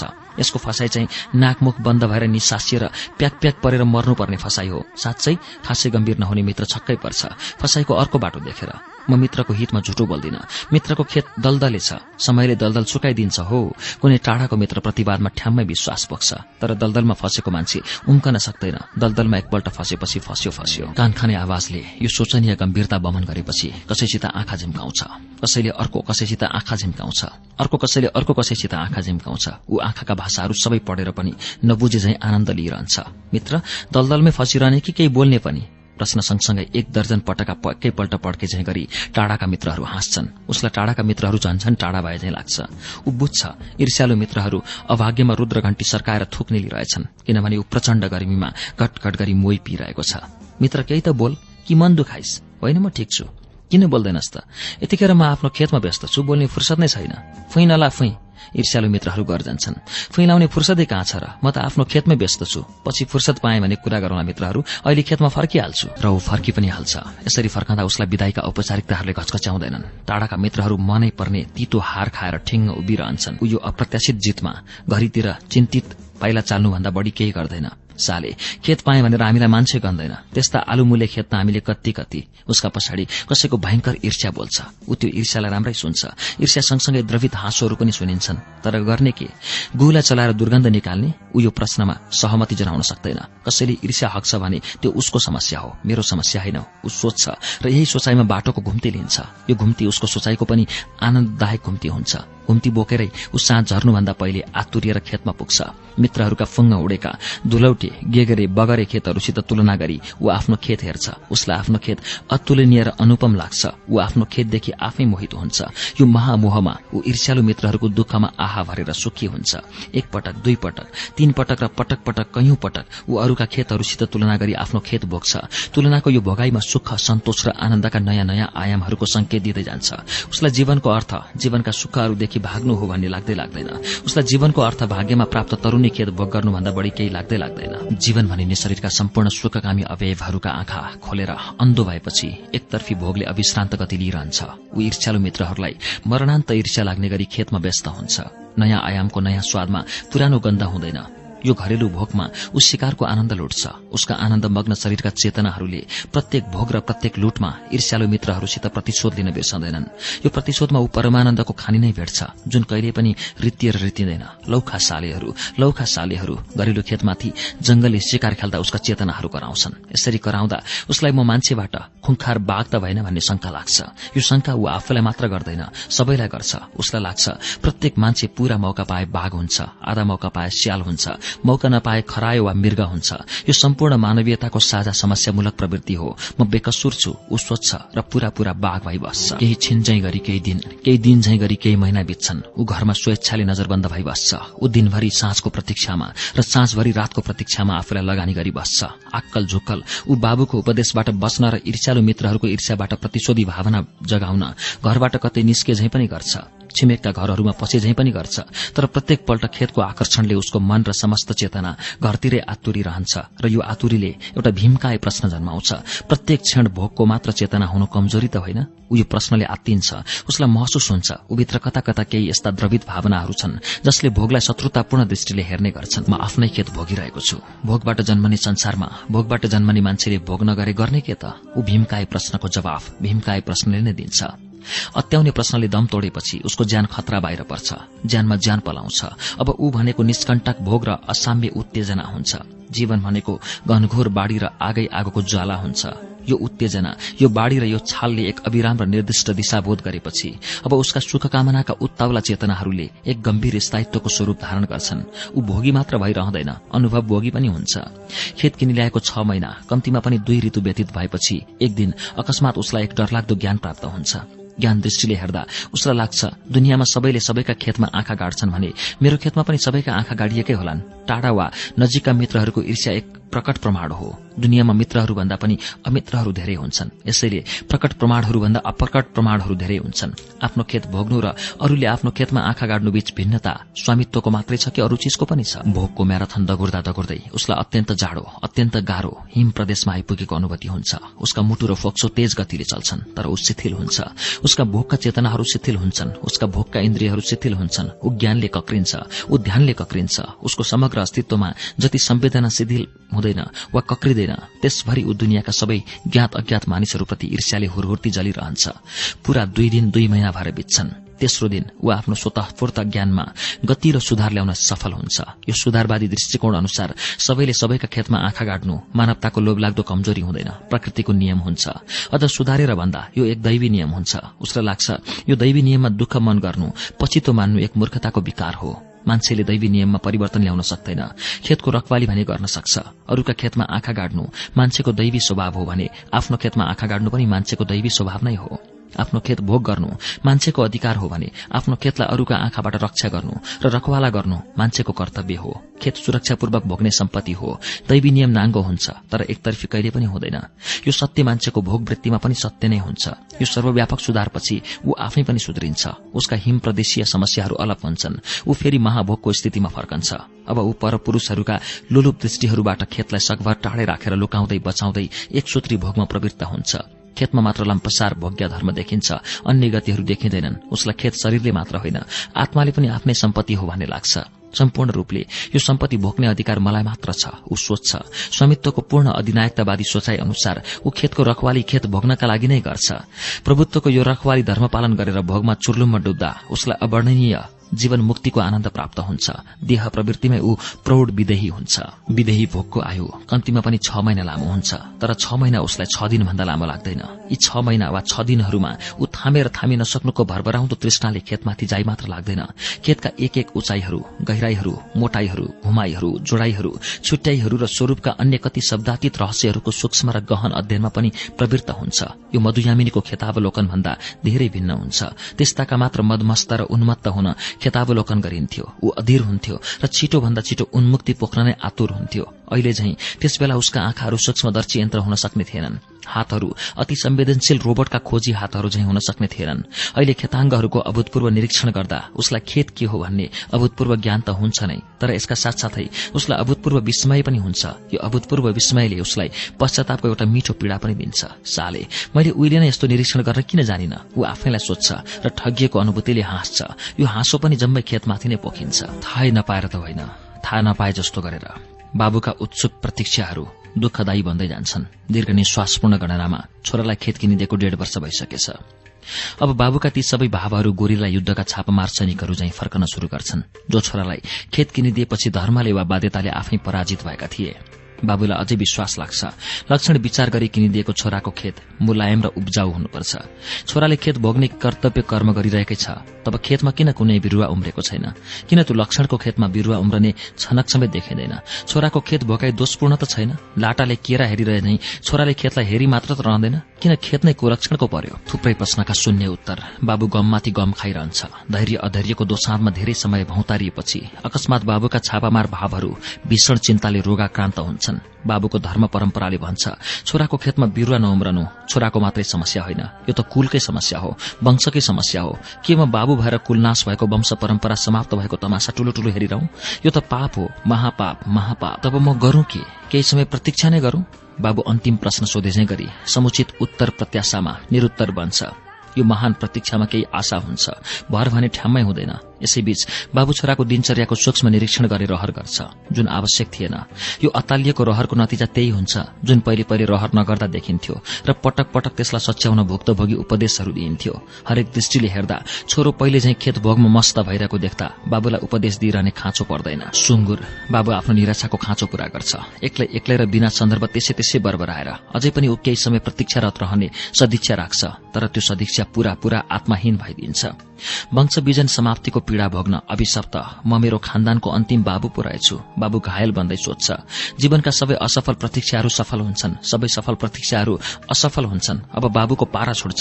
यहाँ आइज सुँगुर बाबु कड्किन्छ। छोरो पनि पहिले पहिले झैं लुरे हुन इन्कार गर्छ। परिणाममा घरेलु महाभारत शुरू हुन्छ। यहाँ मर्न आइज भनेको सुँगुर कुरा सुन्दैनस्? बाबु पर्व शुरू हुन्छ। किन कान खाने गरी मुख छोड्ने भनेको बेफाकमा छोरो पर्व पनि शुरू हुन्छ। मैले त तेरो कान खाएँ तैले मेरो के खाइस? बाबु पूर्व आक्रामक हुन्छ। के खाए? छोरो पर्व सुरक्षात्मक रहन्छ। सबथोक खाइ सबथोक बाबु पर्वको आक्रमण निर्घात तेज हुन्छ। फुस्रा आँखा पल्टाइ गए पो सबथोक खाने। गएकै छैनन् के खाने? छोरो पर्व पहिलो प्रत्याक्रमण थाल्छ। यो अप्रत्याशित प्रत्याक्रमणले बाबु घायल हुन्छ। नराम्रोसँग। घिच्लास घिच्लास म मरेपछि मेरो जम्मै काटु घिच्लास पहिले खेतमा एउटा बिरुवा त उमार तेरै बिउ टुसाएको हेरी स्वर्ग जाने आश गरेको। बाबु पर्व आक्रमणलाई यथावत कायम गर्न खोज्दा खोज्दै पनि घाउले रन्थनिएर सुस्त हुन्छ। छोरो पर्वको नायक छोरो बुझ्छ। बाबुको पूर्ण तेजोवध भइसक्यो। अब एक अमोघ अस्त्र प्रहार गरेर बाबुलाई सरसैयामा सुताउन मात्र बाँकी छ। किन? स्वर्ग जाने नचाहिँदो आशा गरिरहने। नर्कमै गए पनि हुन्छ। सबै मान्छे स्वर्ग गए नर्क को जाने? दोस्रो प्रत्याक्रमणलाई अन्तिम मानेर छोरो पर्व अमोघ अस्त्र प्रहार गर्छ। यो अस्त्रले हृदय नै चिरिन्छ बाबुको तर छोरो पर्वको अनुमान अनुसार बाबु पर्व सरसैयामा लम्पसार पर्दैन। मुखमुखै लाग्छस् मुख छोड्छस् सुँगुर फेरि आक्रमण गर्न बाबु पर्व उत्तेजित हुन्छ। उमेरमा सबै सुँगुर हुन्छन्। छोरो पर्व एक साधारण तर निर्णायक र प्रभावशाली आक्रमण गर्छ। घायल बाबुका उत्तेजनाहरू छिन्न भिन्न हुन्छन्। आफ्नो अभागी पुरपुरो समातेर थचक्क बस्दै बाबु पूर्ण पराजय भोग्न विवश हुन्छ। छोरो पर्वको युद्ध विजेता नायक छोरो बाबुलाई बिजोक अवस्थामा छोडेर हिँड्छ। घाँटी निमोटेर जाए किन घायल पारेर जान्छस्? बाबु पर्वको पराजित बाबु पुरपुरोबाट हात ओह्रालेर छाती पिड्दै कराउँछ। युद्ध विजेता छोरो पराजित क्रन्दन सुन्न इन्कार गरिदिन्छ। बाबु छोराको रिक्ततामा घुवाक्कर हुन्छ। यो महाभारत अढाई हप्तामा टुङ्गिँदैन। दिन नबिराइकन रात नबिराइकन पनि लडिन्न। अघोषित युद्ध विरामका लामा लामा फड्का मारेर यो युद्ध बल्झिरहन्छ। दाजुभाइहरू बिनाको यो महाभारत युद्धका दुई खास विशेषता हुन्छन्। पहिलो खास विशेषतामा पहिलो मुख छोड्ने बाबु सधैँ र हार्ने पनि बाबु नै हुन्छ सधैँ। दोस्रो खास विशेषतामा छोरो कहिले पनि आक्रामक विजेता हुँदैन जहिले पनि प्रत्याक्रामक विजेता हुन्छ। हामी महान यही महान युद्ध धर्मका कारण ऊ बाबुप्रति कुनै अन्याय ग्रन्थीले पीड़ित हुँदैन। दुई खास विशेषतामा दुई खास उदाहरण लिऊ उदाहरण नम्बर एक एक कुजात सुँगुर। छोरो बन्न सक्दैनस्? छोरो कसरी छोरो बन्ने? यी छोरो पारी घरीको केटालाई हेर। छोरो त्यस्तो हुन्छ। खेत किनिदिएको वर्ष दिन पुगेको छैन। जुम्ल्या बिउ उमारिसक्यो। जुम्ल्या उमारोस् कि तिम्ल्या मलाई केही घाटा लागेको छैन छोरो उत्तर दिन्छ। हेर बुद्धि न इख न बिख मर्ने बेलामा सन्तोषले मर्न नदिने भयो। सन्तोषले कहिले बाँचेको भए पो सन्तोषले मर्ने भन्ने कुरो हुन्छ। अज्ञानी राहु बाबु नै अन्धो धृतराष्ट्र भएपछि छोरालाई के देऊस् उदाहरण नम्बर दुई। अबदेखि सुँगुर पनि भन्दिनँ तँलाई बुझिस् कुरो? अँ बुझे। किन नमिल्ने कुरो भन्नु भन्दै भन्दिनँ म? असल बाबुहरूले भन्दैनन् पनि छोरो उत्तर दिन्छ। सुँगुरले भोग्ने काम मात्र गर्दैन वंश वृद्धि गरी वंश रक्षा पनि गर्छ। तँलाई सुँगुर भन्नु सुँगुरलाई होच्याउनु हो। खुरो बुझिस्? बाबु सोध्छ। किन नबुझ्ने? पहिले पहिलेका अन्धाहरूले हात्ती छाम्ने गर्थे। आजभोलिका अन्धाहरूले सुँगुर छाम्न थालेछन्। कुरो यही होइन छोरो उत्तर दिन्छ। यसै हुन्न त्यसै हुन्न जोगी भएर जान्छु म। कसैले भिक्षा दिनन् भने घर फर्के हुन्छ। फर्कन्न म माया मारेर जान्छु। अति उत्तम विचार छोरो उत्तर दिन्छ। छोराका पक्षबाट एकतर्फी जितको युद्ध र बाबुका पक्षबाट एकतर्फी हारको युद्धमा कुनै दुईतर्फी समझदारीको विकास हुँदैन। जहिले पनि ऐजन ऐजन पाराको युद्ध गणित ऐजन ऐजन पाराको युद्ध परिणाम। लामो समयसम्म यो अन्त्यहीनताको कतै कुनै अन्त्य देखिँदैन तर एक दिन ऐजन ऐजन पाराको युद्ध गणितमा ऐजन ऐजन पाराको युद्ध परिणाम भिन्न देखा पर्छ। भिन्न भनेको उल्टै हो बाबु भन्छ। यस्ता कुपुत्रलाई के भन्नु? केही नभने हुन्छ। मलजल हाली हुर्काएँ बढाएँ सबै खेर गयो। पछितो माने हुन्छ। मान्दैछु मान्दैछु। नामर्द कुपुत्रले सद्गति नदिने भएपछि पछितो नमानेर सुख हुन्छ? छोरो भएपछि सद्गति भएन? ऊ प्रश्न गर्छ। छोरो मात्र भएर बाबुले सद्गति पाउन्न छोरो मर्द पनि हुनुपर्छ नामर्द जैरे बाबु उत्तर दिन्छ। आफै होला नि नामर्द साफ जङचलाइमा छोराको महान प्रत्याक्रमण शुरू हुन्छ। सम्भवतः ऊ युद्धका सबै नैतिकताहरू भुल्छ तर उसको योद्धा बाबु बुढो भए पनि कुनै भीष्म वा द्रोण भन्दा कम पराक्रमी हुँदैन। छोराको घातक प्रत्याक्रमणको जवाफमा बाबु घाँटीको एउटा नसालाई धाराको पाइप बराबर फुलाइदिन्छ। म नामर्द भएको भए त यहाँ हुन्थिस्? बस छोरो धाराशाही हुन्छ यो अभूतपूर्व बाणले। छोराका सम्पूर्ण प्रत्याक्रमणहरूले हावा खाइदिन्छन्। अहिलेसम्मका सम्पूर्ण जितहरूले पनि हावा खाइदिन्छन्। महाचक्रव्यूहभित्र छोरो निहत्था र लाचार हुन्छ। आफ्नो निहत्ता छोरामाथि बाबु कुनै शक्ति प्रहार गर्न रुचाउँदैन। हारमा जितको पारा देखाएर छोरो हिँडेपछि बाबु जितमा हारको पारा देखाई पुरपुरो ठोक्छ। पुरपुरोको भारले थचक्क बस्छ। छोरो खेतमा भुल्न पुग्छ। तर बाबुलाई भुल्न सक्दैन। ऊ बाबुको जितलाई आफ्नो हार होइन भनी सोच्न सक्दैन। यो धाराशाही हृदय व्यथाले गर्दा ऊ खेतमा राम्ररी भुल्न सक्दैन। भुल्ने प्रयासमा भोग्ने प्रयासहरू मरिदिन्छन्। अब यो यो सोच्न विवश हुन्छ। यो असमाप्त घरेलु महाभारत नैतिक रूपले बेठिक छ। ऊ कुरुक्षेत्रको गलत मोडमा उभिएको छ। ऊ घिउ छोरो भई सोध्छ बाबुले छोराको खेतमा उब्जनीको चाहना गर्नु स्वाभाविक छ। यो प्रत्येक बाबुको प्रतीक्षा धर्म हो। अविच्छिन्न वंश परम्पराको चाहनामा त घरको आत्मा निवास गर्छ। घरको आत्मा नरहे कसरी बाँच्ने समाज देश अनि विश्व? यसपछिका दिनहरूमा घरेलु महाभारत त्यति जम्दैन जति युद्धप्रेमीहरू आशा गर्न सक्छन्। वंशनाशको भयले आत्तिएको बाबु एकतर्फी बाण हानिरहन्छ तर छोरो भने कुनै प्रतिबाण हान्दैन। साह्रै भएर आक्कल झुकल प्रतिबाण हानिहाले पनि तिनका तीक्ष्णताहरू गायब हुन्छन्। एकनाश बाण प्रहार गर्दा गर्दै बाबु अक्सर थकित हुन्छ तर निराशाको गर्तबाट आशाका बाण प्रहार गर्न भने छोड्दैन। यो अतिरिक्ततामा परिणत युद्ध स्थितिमा बाबु छोराका आकस्मिक प्रत्याक्रमणहरू पर्खिरहन्छ तर पर्खाइका सम्पूर्ण उपयोगिताहरू समाप्त हुँदै जान्छन्। अब बाबुको दशा बिग्रन्छ। असमाप्त महाभारतको समाप्त प्राय यो मोडमा बाबु बाण प्रहार गर्दा गर्दै बाण प्रहार गर्दैछु भन्ने चेतना नै हराउन थाल्छ। छोरालाई निरीह बाबुमाथि राम्रै दया लाग्छ। दया कसरी देखाउने? समस्या लाग्छ। प्रत्याक्रमण विमुख हुने छोराको निर्णय पक्का पक्की हुन्छ। ऊ फसल काट्ने वंशानुगत चाहनाको पछि लाग्छ। फसल एक सपना हो ऊ बुझ्छ। सपना कसरी साकार हुन्छ ऊ राम्ररी बुझ्दैन। सायद राति सुतेर नदेखिने सपनाहरू जीवनका लक्ष्य हुन्छन्। लक्ष्यहरू एकैपल्ट बुझिँदैनन् तर लक्ष्यहरूले बुझ्ने निम्तो दिइरहन्छन्। मान्छेले निम्तो मान्न जानुपर्छ। बस ऊ खुब सोच्छ यसरी। इमान्दार भई सोचेपछि सोचाइले कुनै सार्थक उचाइ टेक्छ नै। अब ऊभित्र वंश परम्पराको त्यो सोझो रूपरेखा तयार हुन्छ जुन उसले बिर्सिराखेको थियो। उसलाई परम्पराले भन्छ मन वचन र कर्मले फल सिद्धि गर। जीवनमा कहिले गम्भीर भएर सिक्न नचाहेको परम्पराको ध्वनि ऊ छातीभित्र कतै आत्मामा नभए हृदयमा अनुभूत गर्छ ऊ छक्कै पर्छ। पछि उसलाई लाग्छ मान्छेलाई मान्छेको परम्परा उत्तराधिकारमा प्राप्त हुन्छ। यो कतै नपढे पनि त्यत्तिकै जानिने मानवीय गुण हो। यो विशेष गुण पत्तो लागेपछि ऊ मान्छेको प्रारब्धबारे चिन्तनशील हुन्छ। जति मान्दिन भने पनि मान्छेको भाग्य घोडासित हुँदैन तर मान्छे भनेको मान्छेको भाग्य मात्र होइन। मान्छेको कर्म पनि हो। अब खेतमा बिउ छरेर रोपाई गरेर बिरूवा उमारेर फसल काटेर कुन्यु लाएर किनबेच गरेर अर्को जन्ममा खर्च गर्ने पुण्य कमाई जोडिराख्नुपर्छ। हे इष्टदेव मलाई सहयोग गर। ऊ जीवनमा पहिलोपल्ट इमान्दार भएर इष्टदेवलाई स्मरण गर्छ। उसलाई अवर्णनीय शक्ति प्रेरणा र विश्वास प्राप्त भइने लाग्छ। यो नवीन आत्मानुभूतिको सहयोगमा ऊ चाँडोभन्दा चाँडो खेतमा बिउ छर्न उत्सुक हुन्छ। तर उत्सुकताले मात्र बिउ छर्नु दुर्घटनापूर्ण हुन्छ। कसैले नभने पनि उसलाई थाहा हुन्छ खेतमा बिउ छर्ने हतार कहिले गर्नु हुँदैन। बिउ छर्ने हतार भोग्ने हतार भयो भने मान्छे पशु हुन्छ। भोग गर्दा शरीरले भोगे पनि बिउ छर्दा शरीरले मात्र छर्न हुँदैन। रोपाई विशुद्ध बौद्धिक क्रिया हो। रोपाई गर्दा हतार हतार असमयहरू चयन गरियो भने छरेको बिउ नउम्रन सक्छ। उम्रे पनि निरोगी र दीर्घायु नहुन सक्छ। यसैले बुद्धिमान मान्छे उही हो जो बिउ छर्ने उपयुक्त रोपाईको ऋतुकाल चयन गर्न सक्छ। ऊ बुद्धिमान हुने निर्णय गर्छ। यो महान निर्णयका विरोधमा उसका भोगका घोडाहरू हिँडिन आउँछन् तर ऊ ती घोडाहरू खेतै खेत जथाभावी नकुदाइकन लगाम कसिरहन्छ। सम्पुष्टिको अभिप्रायले ऊ जानी जाने बिउहरू संग्रह गरिराख्छ। यसो गर्दा उसले आफ्नै शरीर र मनसित भयानक युद्ध लड्नुपर्छ। उसलाई सहज ज्ञान हुन्छ।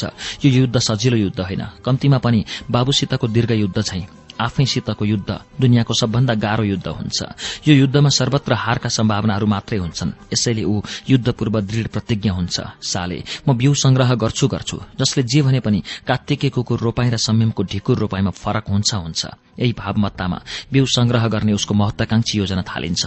ऊ यसलाई योजना सम्झँदैन यज्ञ सम्झन्छ। ऊ यौवनका कष्टप्रद उन्मादहरूसित हार नखाइकन जुदिरहन्छ ऊ उन्मादलाई सके उपेक्षा गर्छ नसके बेसरी तिरस्कार गर्छ। आत्मजय र वीरताको यो महान उपलब्धिपछि अब ऊ रोपाई कर्म अथवा खेतमा बिउ छर्ने सबभन्दा उपयुक्त समय कुन होला भनी चिन्तन गर्छ। यो ऋतुकालको प्रतीक्षा हुन्छ। यो प्रतीक्षा जतिखेर पनि समाप्त पार्न सकिन्छ। तर म यस्तो समाप्ति चाहन्न उसको चिन्तन एक दृढताको दुर्गमा परिणत हुन्छ। दुर्गमा प्रश्नको उही ढोका खुल्छ। सबभन्दा उपयुक्त समय कुन होला? ऊ यो ढोका बन्द गर्न सक्दैन। ऊ यसको चर्चा लम्पसार धर्माखेतसित गर्न सक्दैन। उसको एउटा मनले भन्छ अनुभवी बाबुसित सल्लाह गर दोस्रो मनले भन्छ मित्रहरूसित सल्लाह गर तेस्रो मनले भन्छ। प्रारब्धका व्याख्याताहरूले मात्र समुचित सल्लाह दिन सक्छन्। ज्योतिषीसित सल्लाह गर। चौथो पाँचौं छैठौं सातौं आठौं नौ दशौं र त्यसपछिका मनहरूले केही भन्दैनन्। खास कुनै दुविधामा नअल्मल्लिकन ऊ तेस्रो मनको कुरो सुन्छ। ऊ नाम चलेको ज्योतिषी कहाँ पुग्छ? ओहो बाबु कहाँबाट आज बाटो बिराएर? बाटो बिराउनु नपरोस् भनेर बुझ्न आएको। आफ्नो भाग्य आफ्नो कर्म। तैपनि ऊ आकर्षक परिणामको शुल्क प्रस्तुत गर्छ ज्योतिषीका आँखामा आँखा खुल्छन्। हात हेर्नु त कुन चाहिँ? दाहिने ऊ हेराइदिन्छ। हात हेरौं त कुन चाहिँ? देब्रे ऊ हेराइदिन्छ। निधार हेरौं त उसले कुन चाहिँ भनी सोधिराख्नु पर्दैन। आँखी भाउ उचाली उचाली ऊ निधार देखाइदिन्छ। ज्योतिषी खुट्टा हेरौं त भन्दैन। उसले भनेको भए ऊ खुट्टा पनि देखाइदिन सक्थ्यो। जन्मपत्री चिनो ल्याउनु भएको छ? ल्याएको छु। हेरौं त ज्योतिषी गहिरिएर उसको जन्मपत्री हेर्छ। उसको त्यो हेराइलाई ऊ गहिरिएर हेर्छ। हेर्दा हेर्दै ऊ ज्योतिषीका आँखाहरू अचम्मैसित साँगुरिएपछि फैलिँदै गएको देख्छ। के भयो ज्योतिषी बा उसलाई शून्य हतार हुन्छ। उत्तम अति उत्तम। ज्योतिषीलाई भन्ने हतार हुन्छ। के कुरा उत्तम पाउनुभयो? खेत खासाको उत्तम परेछ। बाबुको भाग्य बलियो रहेछ। साँच्चै हो र शङ्कै नगरे हुन्छ। देउता र ज्योतिषी कहिले पनि झुटो कुरा गर्दैनन्। ऊ ढुक्क हुन्छ र खास अभिप्रायको कुरो सोध्न ऊ आफूलाई तयार पार्छ। ज्योतिषी बा के बाबु? खेतमा बिउ उम्रला? त ल बाबु बिउ छरेर नउम्रने खेतलाई म किन उत्तम मान्थे? ऊ ढुक्कमाथि झन् ढुक्क हुन्छ। ज्योतिषी बा के बाबु? कुन ऋतुमा बिउ छर्नु राम्रो होला? त्यो त आफै निदो गर्ने कुरो हो। खेत उत्तम छ भने जुन ऋतुमा बिउ छरे पनि नउम्रेला भन्नु पर्दैन। बाँकी के भने के ज्योतिषी बा? बाँकी के भने बिउ शुद्ध असल पोटिलो रोग नलागेको हुनुपर्छ। बेर्ना राम्रो भए बोट बिरुवा राम्रो हुने हो। बिउ राम्रो भए बेर्ना राम्रो हुने हो। बिउ राम्रै गरी साँचिराखेको छु ज्योतिषी बा त्यसो भए भइहाल्यो। आजभोलि नै बिउ छरे हुन्छ। ईश्वरले मलिलो खुखुलो चिस्यान भएको दोमट परेको फुकेको जीवांश भएको र पारिलो खेत भाग्यमा लेखिदिएकै छन्। बरु बिउ उम्रेपछि मल जल दिने रोग व्याधिबाट बचाउने ढुसी लाग्न नदिने तुसारो पर्न नदिने काम गर्नुपर्छ। बिउ उम्रन थालेपछि खेतको पनि राम्रो हेरविचार गर्नुपर्छ। कुरा बुझ्नुभयो त बाबु? बुझिन् ज्योतिषी बा लौ त बाबु ईश्वरका लीलामा कुनै अड्को पड्को देखा परि आउनुहोस् म छँदैछु। हुन्छ ज्योतिषी बा ज्योतिषीबाट सुनिश्चित र समुज्जल भविष्यको प्रमाणपत्र पाएपछि खेताभिमुख हुन्छ। बाटामा नपरे पनि हुने एउटा भट्टी पर्छ। भट्टीमा देखा नपरे पनि हुने मित्रहरू देखा पर्छन्। खेत बाँझै राख्ने विचार छ कि क्या हो? कसैले नसोधे पनि हुने एउटा प्रश्न सोधिदिन्छ। ऊ नपिए पनि हुने एक ट्वाक पिएर सुरो भइ नदिए पनि हुने एउटा जवाफ फर्काइदिन्छ। म नामर्द होइन। भट्टीमा नघन्के पनि हुने एउटा अट्टहास घन्किन्छ ऊ नमगाए पनि हुने एक ट्वाक मगाएर नपिए पनि हुने आधा ट्वाक पिए उठ्छ। कहाँ जान लागिस्? कसैले फेरि नगरे पनि हुने एउटा प्रश्न पक्कै गर्छ। मर्द हुन होला अरू कसैले नदिए पनि हुने एउटा उत्तर भक्कै दिन्छ। ऊ माने पनि हुने एउटा चोट मान्दैन सट्टामा नहाँसे पनि हुने एउटा हाँसो हाँसिदिन्छ। हिँड्ने बेला नतिरे पनि हुने सबैको हिसाब तिरिदिन्छ। साढे एक ट्वाक पिएको स्मृतिमा ऊ घर आइपुग्छ साँझ पर्छ ऊ रस मानी मानी मजाले भोजन गर्छ। रात पर्छ ऊ पूजा कोठामा गई इष्ट देव देवीहरूका अघिल्तिर ठिङ्ग उभिन्छ। इष्ट देव देवीहरूको पूजा अर्चना कसरी विधि पुर्याएर गर्ने ऊ यो जान्दैन र जान्ने बाबुसित सोध्ने मन गर्दैन। अरू केही नजाने पनि उसले इष्ट देव देवीहरूका चरण कमलमा टाउको ठोक्न र हात जोड्न जानेकै हुन्छ। ऊ सम्पूर्ण भावपूर्वक यही गर्छ। हे इष्टदेव देवीहरू मेरो खेतमा राम्ररी बिउ उम्रोस्। राम्रो खेती होस् राम्रो फसल होस् राम्रो आमदानी होस्। ऊ प्रार्थना गर्दा गर्दै वर माग्दा माग्दै भावोत्तेजनाले तुरुक्क रुन्छ। आँसु पुस्दा उसलाई परम सन्तोष हुन्छ। ठिक यही बेला उसलाई जीवनमा पहिलोपल्ट पवित्र प्रार्थनाको शक्ति अनुभव हुन्छ। अब शुभ कार्यमा किन ढिला सुस्ती? ऊ मिठासको प्रशान्ति र प्रशान्तिको मिठास बोकेर पूजा कोठाबाट बाहिर निस्कन्छ। रातपछि रात रातपछि रात रातपछि रात रोपाईको ऋतुकाल प्रारम्भ हुन्छ। ऊ कुनै असजिला संकोचका औपचारिकताहरूमा नअल्मल्लिकन ठूलो बहादुरी देखाएर संग्रह गरिराखिएको सम्पुष्ट बिउ कर्ममा लीन हुन्छ। ऊ उद्देश्यले प्रेरित भएर आधा रातसम्म खेत जोतिरहन्छ। यो रोपाई कर्म एक रातमा समाप्त हुँदैन। कैयौं रातसम्म असमाप्त भइरहन्छ। ऊ मन वचन र कर्मले तीन होइन एक भइरहन्छ। रोपाईका चरम सुखहरू थकाइयुक्त हुन्छन्। यी थकाईहरूमा नथाकिकन सोच्दा उसलाई पक्का पक्की आभास हुन्छ। भाग्यका प्रत्येक भोगहरूमा खास लगानी नगरिकन उसले धनकुबेर हुने मौका पाएको छ। उसले इष्टदेव देवीहरूसित आभार प्रकट गर्नै पर्छ। इष्टदेव देवीले पक्ष नलिने भए पुरपुरोमा गतिलो कुरो लेखिने थिएन। हे इष्टदेव देवीहरू खेत धनका लागि म आभार प्रकट गर्छु। भोग धनका लागि म आभार प्रकट गर्छु। अब खेतमा उम्रने धनहरूका लागि पनि म आभार प्रकट गर्छु। ऊ अविश्रान्तितिर आभार प्रकट गरिरहन्छ। विश्रान्तिका समाप्तिहरूपछि ऊ पटक पटक रोपाई कर्ममा फर्किरहन्छ। धारावाहिक जोताईका परिश्रमहरूमा शिथिलता आएपछि रोपाईको ऋतुकाल समाप्त हुन्छ। समाप्ति आफैमा एक आरम्भ हुन्छ। यो आरम्भमा रोपाई कर्मको सुख स्मरण गर्दै ऊ ठिक प्रकारले रोपाई भयो वा भएन भन्ने आत्मचिन्तन गर्छ। ऊ पूरा पूरा आत्मसमालोचक हुन्छ। यो समालोचनामा कुनै अप्रिय आलोचना हुन सक्दैन। उसलाई खेत राम्ररी जोतेको र खेतमा राम्ररी बिउ छर्न सकेकोमा अपार सन्तोष हुन्छ। यो सन्तोषमा उसलाई परम आनन्दको अनुभूति पनि हुन्छ। परमानन्द खेत जोत्नुमा छ। परमानन्द बिउ छर्नुमा छ। परमानन्द बिउ उम्रने आशामा छ। बिउ उम्रने प्रतीक्षामा छ। परमानन्द खेत जोत्नुमा छ परमानन्द बिउ छर्नुमा छ परमानन्द बिउ उम्रने आशामा छ बिउ उम्रने प्रतीक्षामा छ। यो महान सत्यलाई देखिदेखि नदेखेर किन मानिसहरू फुस्रे जोगी भएर चिवरे भिक्षु भएर परमानन्दको खोजी गर्छन्? सत्यहरूको सत्य नाङ्गो हुन्छ सत्यलाई नाङ्गोदेखि आँखा छोपी हिँड्नेहरू धोकेबाज हुन्। यी धोकेबाजहरूले नम्बर एक आफैलाई धोका दिन्छन् नम्बर दुई समाजलाई धोका दिन्छन् नम्बर तीन सृष्टिलाई धोका दिन्छन्। ईश्वरको सृष्टि चक्रलाई धोका दिनु भनेको ईश्वरलाई नै धोका दिनु होइन र उसका अनुभूतिका ज्ञान कोषहरू सक्रिय हुन्छन्। उसलाई आभास हुन्छ मानिसहरू धोकेबाजहरूको विरोध नगरेर पूजा गर्दैछन्। यो धोकाबाट मानिसहरूले आफै मुक्ति खोज्न जान्नुपर्छ। ठगी मूर्खता र कमजोरीका प्रत्येक दलदलबाट ईश्वरले कठालो समातेर उद्धार गरिदियोस् यो आवश्यक छैन। ऊ असत्य परमानन्दवादीहरू र तिनका अज्ञानी पूजकहरूका प्रतिपक्षमा राम्रै उभिन्छ तर धेरै बेर उभिरहने फुर्सद पाउँदैन। ऊ खेतमा व्यस्त मान्छे खेतमै फर्कन्छ। अब ऊ समयको आवश्यकता बमोजिम आफ्ना सबै अहंकार इच्छा आकांक्षा महत्वाकांक्षा र अस्तित्वले एउटै मात्र काम खेतमा बिउ उम्रने शुभ मुहूर्तको प्रतीक्षा गर्न थाल्छ। यो प्रतीक्षा लामो हुन्छ तर यो लम्बाइमा ऊ एक सरसता र निरस्ताले उद्विग्न हुँदैन। ऊ प्रत्येक दिन प्रतीक्षामा मिठास र सनसनीका नयाँ नयाँ आवृत्तिहरू खोज्दै फेला पार्दै र भोग्दै जान्छ। परमानन्दको दोस्रो आरम्भ लम्बिँदै जाँदा उसलाई आफ्नो भविष्यका सुनौला पानाहरू थपिँदै गएको अनुभूति पनि हुन्छ। ती सुनौला पानाहरू असुरक्षित भविष्यका हुँदैनन्। यसैले ऊ पढ्ने हतार गर्दैन। बिउ उम्राउने उत्ताउलो र निर्दयी प्रतीक्षामा ऊ खेतलाई उपेक्षा गर्दैन। सपनाहरू देख्दै विपनामा ऊ खेतको सक्तो हेरविचार गर्छ। ज्योतिषीले पनि राम्रो हेरविचार गर्नु भनेको थियो। ऊ सम्झन्छ सक्तो हेरविचार गर्दा गर्दै ऊ राम्रो हेरविचार गर्न प्रयत्नशील हुन्छ। यो प्रयत्नमा ऊ केही केही भावुक पनि भइदिन्छ। आखिर यो मेरो खेत मेरा बोट बिरूवाकी जन्मदात्री भूमाता हुँदैछ भने मैले यसलाई भोग गर्न मात्र आफ्नो सम्झनु हुँदैन। भावावेगमा ऊ सम्झन्छ। यो सम्झाइमा उसलाई आफ्नो खेत झन बढ़ी र झनझन बढ़ी आफ्नो लाग्दै जान्छ। मान्छेले आफ्नो वस्तुको भोग गर्न जान्नुपर्छ आफ्नो वस्तुको कदर गर्न जान्नुपर्छ। जीवन यसैको सन्तुलन हो। अपेक्षा नगरिकनै पनि एउटा भाम सत्य समुद्घाटित हुन्छ। ऊ प्राप्तिले चमत्कृत नै हुन्छ। यसैबीच बेसरी थाकेर पनि नथाकेको बाबु कम्तीमा पनि दिनको एकपल्ट झम्टा मार्न छोड्दैन। प्रत्येक दिन प्रत्येक पल्ट झम्टा भुत्ते साबित हुन्छ। बाबुको यो दयनीय हनाईदेखि उसलाई भन्न मन लाग्छ। ढुक्क भई परत र सपारी राखे हुन्छ बा। वंशरक्षाका लागि मेरा तर्फबाट गर्नुपर्ने कृत्य मैले गरिसकेको छु। म छोरो हुँ भने छोराको कृत्य पनि म जान्दछु। वंशको चिन्ता पनि म मान्दछु। किन परत्रका लागि लगानी गर्नुपर्ने अनमोल समय वरत्रमै खेर फालिरहने? एक महिना दुई महिना तीन महिना चार महिना पाँच महिना छ महिना सात महिना आठ महिना नौ महिना। प्रतीक्षाको समय पुग्छ। खेतमा कुनै बिउ उम्रदैन। खेतमा बिउ उम्रने संकेतसम्म पनि देखिँदैन। नभोगेर मात्र हेरविचार गरेर स्वतन्त्र विश्रान्तिमा छोडिएको खेत पहिलेभन्दा चमकदार देखिन्छ तर त्यसका मुलायम सतहहरूमा कुनै परिवर्तन देखिँदैन। प्रतीक्षाका आरम्भिक महिनाहरूमा खेतका सतहहरू नउठिदिँदा ऊ सशंकित भएकै थियो तर ऊ आफ्नो भाग्य र पुरूषार्थमा सशंकित हुन चाहँदैन थियो। अहिले हात लागेको शून्य परिणामले ऊ उदास हुन्छ तर निराश हुँदैन।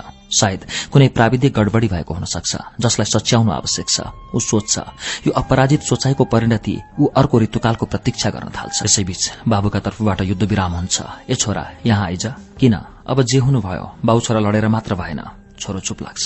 अब एउटा काम गर्नु पर्यो के काम? अर्को खेत किन्नु पर्यो हेर्न जाउँ। हुँदैन। किन नहुने? म आजै अर्को खेत हेर्न जान्छु। हुँदैन भनेपछि पनि किन नहुने? हुन्छ। अर्को खेत किन्नै पर्छ। अर्को उपाय छैन। खाली रहने कस्तो खाइ नपाएको बुढो रहेछ छोरो भन्छ तेरीमा असती नामर्द बस। युद्ध विरामले हावा खान्छ। ऊ फन्केर खेतमा पुग्छ। दोस्रो पल्ट रोपाईको ऋतुकाल प्रारम्भ गर्छ। ऊ अधैर्य हुन्छ। त्यसैले उसको यो रोपाई कर्ममा न अपेक्षित शान्ति हुन्छ न आनन्द हुन्छ। जहिले पनि रोपाईको शुरूआत आक्रोशपूर्ण हतारमा हुन्छ र अन्त्य हताशामा हुन्छ। विश्रान्ति कालावधिभरि ऊ पूर्ण रूपले अवसादग्रस्त हुन्छ। यो रोपाईमा उसलाई एक चिम्टी सन्तोष पनि प्राप्त हुँदैन। ऊ साह्रै नै दिगदार हुन्छ। साले बुढो अत्याएर सब चौपट पार्यो। ऊ बेसरी जङ्गिन्छ। अब रोपाई कर्म गर्न उसलाई झ्याउ लाग्न थाल्छ। यो झ्याउको सिलसिलालाई ऊ तुरन्त टुङ्गाइदिन्छ। यसपछि ऊ केही दिन विरक्ति र आफैलाई बिर्सिरहन्छ। तर सायद सो स्मृतिमा पनि उसलाई सो स्मृति हुन थाल्छ। ऊ बुझ्न सक्दैन। यो उसको रोग हो कि आशा हो तर पनि ऊ मन नपराइकन बिउ उम्रने समयको प्रतीक्षा भन्ने गर्न थाल्छ। झ्याउ नै झ्याउ लागे पनि रोपाई त भएकै छ। ऊ आफूमा फर्केपछि आफूलाई सम्झाइ बस्छ। यही सम्झाइमा दिन बित्छ रात बित्छ महिनाहरू बित्छन्। खेतमा कुनै बिउ अंकुराउने टुसाउने पिपिराउने कोपी लाउने लक्षण देखिँदैन। ऊ पर्खी बस्छ समय पुग्छ। खेतमा केही उम्रदैन। थुक्क साले बाउ नै झुर मंगले भइदिएपछि जम्मै दोष। बाबुमाथि थुपारेर सायद ऊ आफैबाट बच्न खोज्छ तर ऊ आफूबाट बच्न सक्दैन। लुकाई र आत्मविस्मरणको यो सुतुरमुर्गीय प्रयासमा तेस्रो दिन नाङ्गिएर चौथो दिनदेखि ऊ आत्मग्लानीको शिकार हुन थाल्छ। अब ऊ उदास मात्र होइन। पूरै निराश पनि हुन्छ। अहोरात्रको यो पीड़ा असहनीय भएपछि ऊ एकपल्ट निर्विकल्प भगवान सम्झन्छ तर त्यसलाई विश्वास गर्न नसकेर सविकल्प भट्टीमा प्रवेश गर्न पुग्छ। भट्टीमा प्रवेश गर्न केही गाह्रो हुन्छ मात्तिन केही गाह्रो हुँदैन। ऊ दुई तीन थरीका लोकल र अलोकल रक्सीका ककटेलमा परेर मजाले मात्छ। मात्दा ऊ राँगो कुखुरो र भँगेराको मूलेको मासु र तारेका हे हे दृष्टिले हेरिरहन्छ। रक्सी पिउँदा ऊ पेटको गणना गर्दैन। ऊ मात्तिन डराउँदैन साले जिन्दगी। केही अर्थ छैन साले। Meaningless every meaning is meaningless साले। एभ्री सेन्स इज सेन्सलेस साले। के भएर त्यस्तो? बट्टीवाल उत्सुक भई प्रश्न गर्छ। उसको उत्सुकता सधैँ मात्तिन डराउने मान्छे मात्तिन नडराएकामा हुन्छ। एभ्री म्यान इज म्यानलेस साले। एभ्री ओल्ड इज ओल्डलेस साले। एभ्री गड इज गडलेस साले। ऊ आफ्नो सुर नछोडिकन बोलिरहन्छ। के भएर यस्तो? टाढाबाट भट्टीवालको उत्सुकता झन् नजिकिन्छ एभ्री बर्थ इज बर्थलेस साले। एभ्री डेथ इज डेथलेस साले। एभ्री फेथ इज फेथलेस साले। विराम बिना उसको सालेमा आत्मै यसरी जारी रहन्छ। भुक्तभोगी भक्तिवाल बुझ्छ अब यो मातको अपूर्व चट्टानमा टाउको ठोक्नु बेकार छ। प्रत्येक सम्भावनामा फुट्यो भने टाउको फुट्छ चट्टान फुट्दैन। यो सत्य हृदयंगम गरी भट्टीवाल ऊ उठ्ने प्रतीक्षामा उड्न थाल्छ। ऊ माद्दा माद्दै होस हराएर घुर्न थाल्छ। आधा जिउ कुर्सीमा बसेर आधा जिउ टेबुलमा घोप्टिएर। मान्छे माने पुरूष आफ्नै कर्म अविश्वस्त सत्पुरूषको भविष्य विक्रेता ज्योतिषीले होइन आफ्नै ज्ञान अविश्वस्त महाफुर्सदी कविराज वैद्यले होइन। पक्का पक्की आधुनिक खेतीको डाक्टरले उसलाई उही पुरातन मार्काको सल्लाह दिन्छ। सम्पुष्ट बिउ। मुलायम क्षेत्र सही ढंगको रोपाई ज्योतिषीको सल्लाहसित डाक्टरको अपेक्षित सल्लाह मिलेकामा फुर्सद पाए ऊ छक्कै पर्न सक्थ्यो। तर बेफुर्सद उत्साहमा ऊ डाक्टरलाई आफूसित यी सबै भएको कुरा तर खेतमा बिरूवा नउम्रेको नमिठो सत्य बयान गरिदिन्छ। डाक्टर फेरि सल्लाह टक्राउँछ यस्तो भ्रम सबैसित हुन्छ तर यस्तो कुरा सत्य सबैसित हुँदैन। डाक्टर चिप्लो पाराले मुस्कुराउँछ ऊ खस्रो पाराले वाल्ल पर्छ। कुरो बुझ्नु भएन डाक्टर सोध्छ शब्दहरू सबै बुझे नभनेर पनि सायद ऊ यसो भन्छ। उमेरको ऋतुकाल शुरू भएपछि सबैलाई खेत जोत्ने चाहना हुन्छ राइट? ठिक। त्यो चाहना अनियन्त्रित हुन्छ राइट ठिक। नियन्त्रणका लागि घर परम्परा एण्ड समाज परम्पराको आविष्कार भएको हो राइट ठिक। सबैलाई आफ्नो बिउ असल छ भन्ने लाग्छ राइट ठिक। यो अहंकार हो राइट सायद। तर खेत जोत्दैमा खेतमा बिउ छर्दैमा बिरुवा उम्रनुपर्छ भन्ने प्राकृतिक नियम छैन राइट सायद। ईश्वरीय नियम भए नो बडी नोज राइट सायद। डाक्टर फेरि ताजा ज्ञानले मुस्कुराउँछ परिणाम घातक हुन्छ। उसको अनुहारमा आशाको एउटै फिक्का घाम पनि हराइदिन्छ। लैंगिक पुरूषार्थ विरक्त भएर ऊ रुन ठिक्क पर्छ। म के गरौं त? ऊ केही गर्न नसकेको पीड़ामा छातीभित्र अटेसमेटस भई रुमलिएको हावा फाल्छ। ऊ पड्किने सम्भावनाबाट मुक्त हुन्छ तर निराशा र पीड़ाबाट मुक्त हुन सक्दैन। आफ्नो डाक्टरी जीवनमा धेरैपल्ट निराशाका रोदनहरू र पीड़ाका क्रन्दरहरू सुनेर अनुभवी भइसकेको डाक्टर उसलाई आवश्यकता भन्दा बढ़ी निराश र पीड़ित हुने मौका दिँदैन। आफ्नो सुनिश्चित अर्थोपार्जनको सीमाभित्र मात्र रोगीहरूलाई निराश र पीड़ित हुने सहुलियत दिनुपर्छ भन्ने सुस्पष्ट र सफल व्यावसायिक धारणा भएको डाक्टर सामु ऊ कुनै नौलो रोगको नमूना हुँदैन। यसर्थ डाक्टर फेरि ताजा ज्ञानको मुस्कान छर्दै उसलाई खोजेको ढाडस दिन सफल हुन्छ। डन्ट वरी एकपल्ट बिउ जाँचौं सब कुरा ठिक हुन्छ। यसो भन्दा डाक्टर उसको काँध थपथपाउन बिर्सँदैन। बिउ जाँच्नै पर्दैन डाक्टर उसलाई परम्परागत विश्वास वा लाज लाग्छ। त्यसो भए खेत जचाउनुहोस्। बिउ नजचाउनेले खेत जचाउनुपर्छ। डाक्टर वैकल्पिक सुझाव दिन्छ। खेत पनि जाँच्नु पर्दैन डाक्टर उसलाई फेरि परम्परागत विश्वास वा लाज लाग्छ। सबै रोगी तपाईँ जस्ता हुने भए हामी डाक्टरहरूको काम पृथ्वीमा होइन स्वर्गमा हुन्थ्यो। के भन्छन्? विथ अश्विनी कुमार्स डाक्टरको मुस्कान अट्टहासको दोसाँतसम्म पुग्छ। त्यसो नभन्नुहोस् डाक्टर मलाई तपाईँको सल्लाह चाहिन्छ। ऊ अतिशय बेग्र हुन्छ। सल्लाह हान्दिउ त डाक्टर मानव बन्दुक ताक्छ हान्नुहोस्। ऊ मानव गोली खान तयार पर्छ। सल्लाह नम्बर एक पूजा पाठ गर्नुहोस्। हुन्छ गर्छु। सल्लाह नम्बर दुई दान धर्म गर्नुहोस्। हुन्छ गर्छु। सल्लाह नम्बर तीन कुभक्षणहरूबाट बच्नुहोस् हुन्छ बच्छु। सल्लाह नम्बर चार खेतमा मलजल हाल्न र गोडमेल गर्न नबिर्सनुहोस्। हुन्छ बिर्सिन्न। सल्लाह नम्बर पाँच एक मन चित्तले रोपाई गर्नुहोस्। हुन्छ गर्छु। ऊ एकमुष्ट सल्लाहको पारिश्रमिक चुक्ता गरेर घर फर्किन्छ। फेरि पनि ज्योतिषीको सल्लाह डाक्टरको सल्लाह र आफ्नो अनुभूति ज्ञान तुल्य तुल्य भएकामा ऊ फुरुङ्गिन्छ। यही फुरुङ्गिएको मनस्थितिमा ऊ घरदेखि बाहिरका तीर्थस्थलहरूमा गई गच्छी अनुसारको पूजा पाठ गर्छ। गच्छी अनुसारको दान धर्म गर्छ। रक्सी र चुरोटको नामै लिँदैन। सल्लाह नम्बर चार अनुसार ऊ खेतको जतन विशेष रूपले गर्न खोज्छ। गच्छी अनुसार ऊ खेतमा सबै प्रकारका प्रांगारिक र रासायनिक मलको प्रयोग गर्छ। के गरौं? मेरो भाग्य नै फुटेको रहेछ। नत्र दुनियाँलाई लाग्ने उपाय मलाई नलाग्ने थिएन। ऊ अहोरात्र तकिया आँसुले भिजाइरहन्छ आफ्नै पुरूषार्थले नपत्याएको मान्छे बाँच्न ऊ अनिच्छुक हुन्छ तर इच्छा गरेर ऊ मर्न पनि सक्दैन। यसैबीच एउटा आकस्मिक घटना घटित हुन्छ। अर्थात उसको बाबुको मृत्यु हुन्छ। ऊ यो शोक कर्ममा पनि उदासीन हुन्छ। तर परम्परा बमोजिमका असोच क्रियामा भने उदासीन हुँदैन। एक दिन बाबुको औपचारिक शोकको अवधि पूरा हुन्छ ऊ आफ्नै शोक मनाइरहन्छ। एक दिन आफ्नै शोकको अवधि पनि पूरा हुन्छ अब ऊ अवसादग्रस्त भई टोलाइरहन थाल्छ। एक दिन अवसादले पनि म्याद लाग्छ ऊ बहुलाउँदैन खालि पश्चातापूर्ण भई थुप्रै कुराहरू सोचिबस। सोच्दै जाँदा सोचाइका सत्यताहरूमा निराशाहरू हताशाहरू फेला पर्दै जान्छन्। यो पुरूषार्थ भएन पुरूषोचित सोचाइ भएन। ऊ आफूभित्रको पुरूष चिच्याहाट सुन्न बाध्य हुन्छ। यो बाध्यता नै उसलाई आफ्नो प्रिय जीवन लाग्छ। यो बाध्यता नै उसलाई आफ्नो कुमार ऊर्जा लाग्छ। परिणाममा गाँडवादी सोचाइको निर्मम हत्या हुन्छ। निसन्देह संसार पुरूषार्थ भूमि हो जहाँ पुरूषहरू पुरूषार्थ गर्न जन्मन्छन् र पुरूषार्थ गरेर मर्छन्। समय र परिस्थिति अनुसार पुरूषार्थको रूप बदलिन सक्छ आत्मा बदलिन सक्दैन। पुरूषले आफ्नो आवश्यकता बमोजिम पुरूषार्थको रूप बदल्नुपर्छ। जाबो एउटा खेतको मायाले मोहले पीड़ाले दुखी भइरहनु पुरूषार्थ हुन सक्दैन। मर्दानगी हुन सक्दैन। ऊ सोच्छ र ठिक सोचेको अनुभूति गर्छ। समाज र अन्तर्मनले बारम्बार चिमोटेपछि अब उसको वितृष्णाग्रस्त आदिम मर्दानगी भाव राम्रै जागृत हुन्छ अथवा ऊ भित्रको तृष्णाको एउटा नयाँ मूल फुट्छ। यो मूल्य प्रवाहमान खोलाको स्वरूप धारण गर्न खास समय लिँदैन। ऊ इष्टमित्रहरूको व्यावसायिक सल्लाह र सहयोग लिई खेत बजारमा प्रवेश गर्छ। उसलाई शुरूमा केही संकोच लाग्छ तर लाज मान्न छोडेपछि संकोच भाग्छ। आफ्नो घरेलु आवश्यकताका लागि खेत हेर्दै हिँड्नुमा के को लाज? ऊ निर्लज हुन जम्मा यति नै सोध्छ खेत बजारको कुनै सीमा हुँदैन।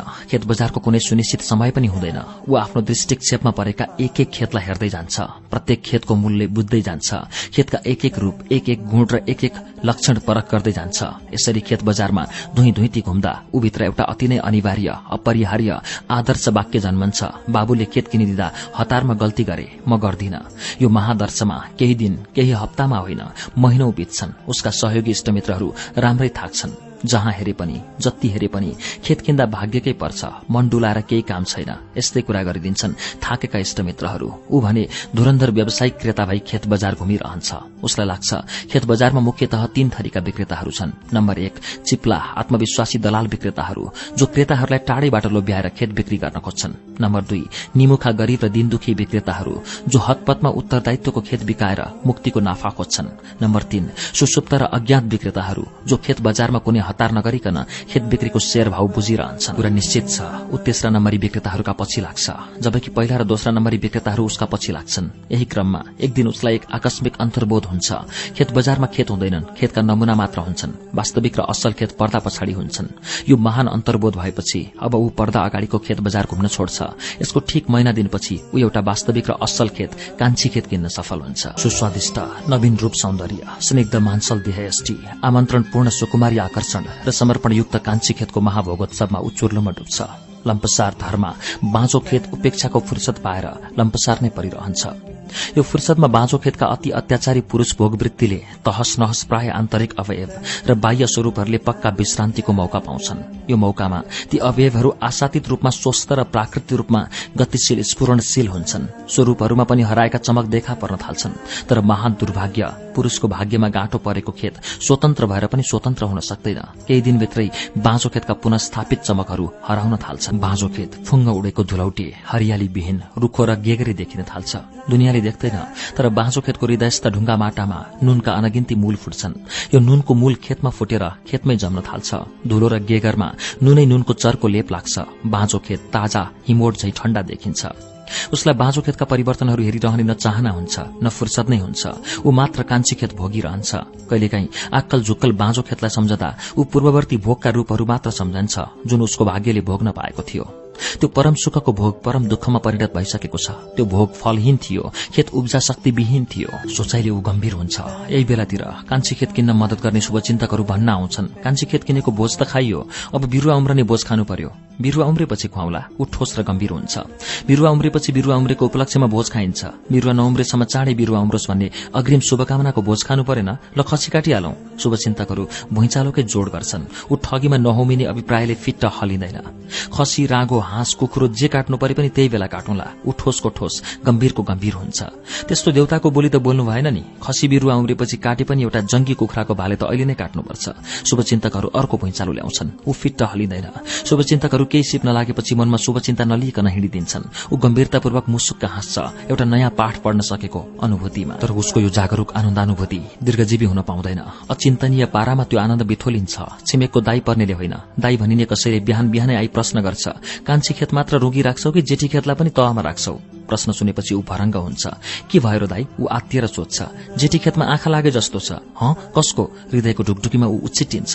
कसको भनौँ अब? आफै थाहा पाउनु। मेरा त दुवै छिमेकी हुन्। कसैको नजाति हुन चाहन्न। दाई भनिने छिमेकी जाति भई राखेर जान्छ। ऊ आरनमा तताइराखेको फलाम झै रातो हुन्छ अपमान बोधले। त्यस दिन उसका सम्पूर्ण दिनचर्याहरू निलम्बित हुन्छन्। ऊ दिनभर भोकै पेट बाँझो खेतका छेउछाउ चक्कर मारिरहन्छ अत्यन्त गोप्य रीतिले।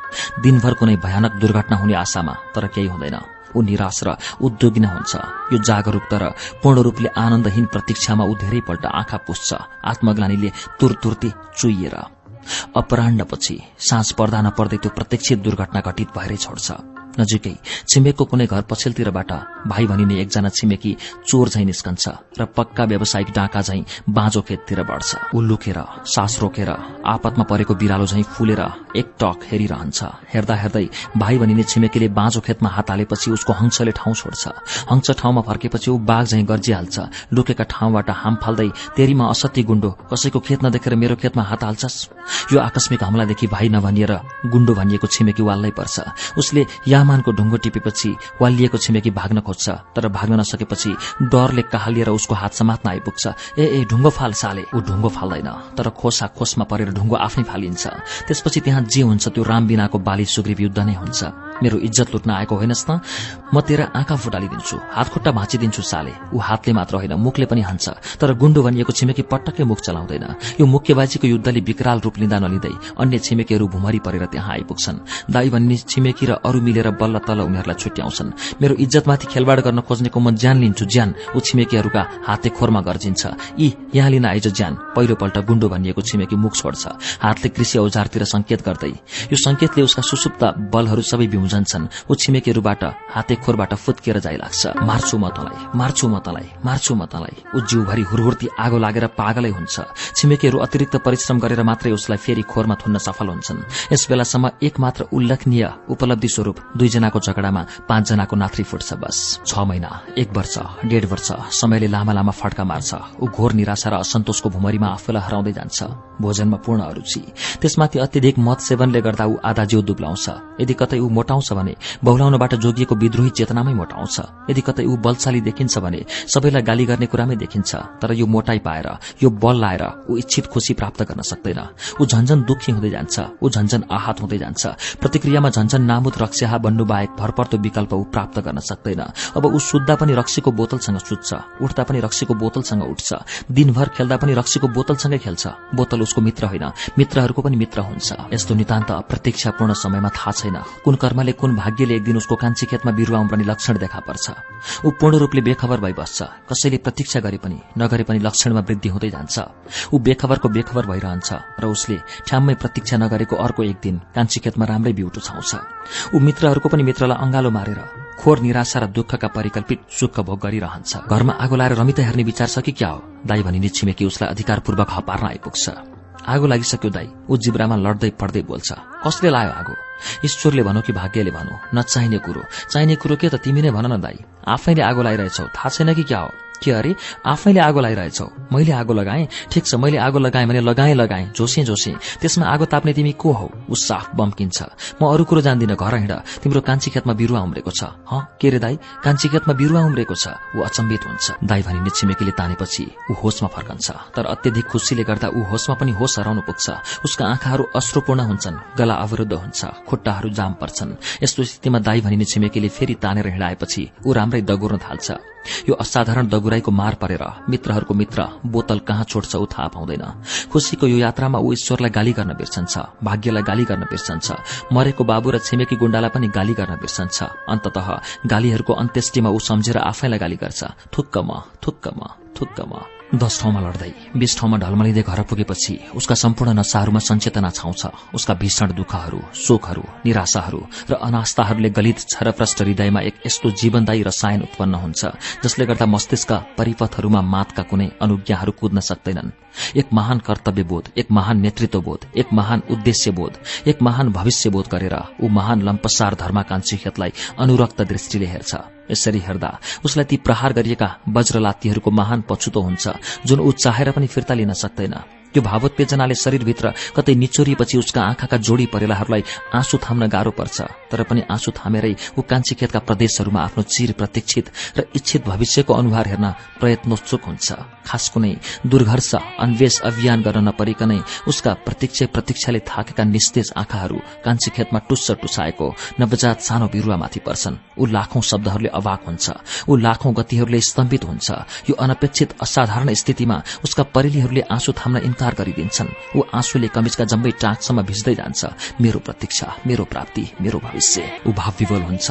अन्तत कमिज फेरेपछि उसका परम सुख र खुशीले आह्लादित भाव आँखाबाट बग्न छोड्छन्। ऊ आत्मसन्तोषको दीर्घ निश्वास लिन्छ। कान्छी खेतमा टुस्स टुसाइरहेको आफ्नो अनन्त प्रतीक्षालाई आफ्नो मूर्त स्वरूप स्वप्नलाई आफ्नो कर्तव्य नियन्त्रित भविष्यलाई ऊ गढेर झन्झन गढेर हेरिरहन्छ र अर्धनिमिलित निमिलित सोचिरहन्छ। उसलाई आफ्नो सम्पूर्ण अस्तित्व फुरुङ्गिएर हावामा उडिरहे चाहिँ अनौठो अनुभूति पनि हुन्छ। घण्टौंसम्म यसरी उडिरहँदा उसलाई जुन आनन्दानुभूति हुन्छ त्यसको सीमा सीमाहीन नै हुन्छ। धत यसरी हेर्न हुँदैन आँखा लाग्छ। उसलाई चिन्ता लागे जस्तो। अर्को एक विचित्र अनुभूति पनि हुन्छ।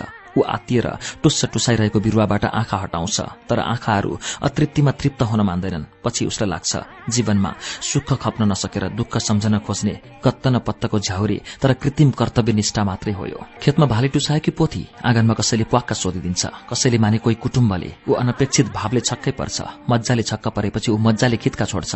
अब छक्क पर्ने पालो प्रश्नकर्ता कुटुम्बको हुन्छ। सोध्न पनि हुँदैन कि क्या हो? कुटुम्बको छक्क पराई कौटुम्बिक झोकमा परिणत हुन्छ। मजाले हुन्छ ऊ खितकाहरू बीचको खाली ठाउँ भर्छ के उद्योगको मान्छे होला हावा त फुस्केन कुटुम्बको झोक्काई फेरि छक्क पराईमा परिणत हुन्छ। झण्डैले फुस्केको भाले टुसाएकी पोती हेर्नै बिर्सिएछु। ऊ खितका छोडेरै खेततिर दगुर्छ। ढुकढुके मनले कान्छी खेतमा टुसाइरहेको बिरुवालाई नजिक झन्झन नजिकबाट हेर्छ। हेर्दा हेर्दै ऊ झ्याप्प निप्छ। हेर्यो उसलाई आँगनमा आइरहेको देखि प्रतीक्षारत कुटुम्बले फेरि सोध्छ। हेरे राम्रै हारेर ऊ बोल्छ। के टुसाएको रहेछ त? कुटुम्ब अनुमान गरेर पुष्टि खोज्छ। पोथी ऊ हारेरै ठगिएरै लुटिएरै कुटुम्बको अनुमानमा पुष्टिको छाप लगाइदिन्छ कुटुम्ब हाँस्न नमिल्ने परिस्थिति बुझेर केही गम्भीर हुन्छ। पहिले खेतमा बिउ लागेन भनी झल्लिँदै हिँड्यौ अब बिउ लाग्यो भनी झल्लिँदै नहिँड्नु ऊ मुख आँको आँ गरिरहन्छ। पहिलो खेतमा पोथी बिरुवा उम्रेकै जाति हुन्छ। खेत उर्वर रहेछ भन्ने थाहा भइहाल्यो। अब अरू खेतमा भालीहरू उम्रदै गर्छन्। कति दुःख मन नगर। कुटुम्ब आफूलाई आवश्यक लागेको ढाडस दिन्छ। यो रोगको अचुक औषधि साबित हुन्छ। उसको निवेको अनुहारमा डेभ्री बल्न शुरू गर्छ। दुःख मानेको छैन। मान्ने कुरै छैन। दुःखमा म खसी काट्दिन। ए कहिले काट्दैछौ? कुटुम्ब आत्तिन्छ खसीको खुसीले। पहिले बन्दोबस्त मिलाऊ। खसी किन्न जाँदा मलाई नबिर्सनु। जिम्बा तिम्रै भयो। ऊ फेरि कान्छी खेततिरै लाग्छ। फेरि टुस्स टुसाइरहेको बिरुवामाथि आँखा लाउँछ। पोथी बिरुवाको नवजात पवित्रता अवोधतादेखि ऊ आत्मविभुन्त हुन्छ। उसका शरीरका नसा नसामा बात्सल्य प्रेमका भावहरू छाल उठ्दै बग्न थाल्छन्। यो उसका लागि पहिले भोग नगरिएको एक नवीन प्राप्ति भइदिन्छ। मेरो भाग्यको खाता खोल्न आइस। म धन्य भएँ। ऊ अत्यन्त भावविभोर भई बर्बर आउँछ र दिन दिनभरि चक्करमाथि चक्कर लाउँदै आँखामा राखे पनि नबिजाउने पोथी बिरुवालाई हेरिरहन्छ। यी अमृतमय घड़ीमा ऊ भोग बिर्सन्छ ऊ प्यास बिर्सन्छ ऊ बाहिरी दुनियाँका सबै सबै कुरा बिर्सिदिन्छ सत्य कुरा भन्दा ऊ आफैलाई बिर्सिदिन्छ। पछि जब उसलाई भोक प्यास दुनियाँ र आफैको सम्झना हुन्छ उसका आँखाहरू नवजात पोथी बिरुवाबाट छरिएर त्यसकी जननी कान्छी खेतमा घुम्न थाल्छन्। यसरी आँखा घमाउँदा उसका सोचाइ पनि केन्द्रीभूत हुँदै घुम्छन्। अब म सधैँ आफ्नो गच्छी अनुसार कति पनि कन्जुसी नगरिकन कान्छी खेतमा पौष्टिक मलचल हाल्छु। पहिले जे भयो भयो। अज्ञानता बस जति लापरवाही गरियो गरियो। अब गर्ने छैन।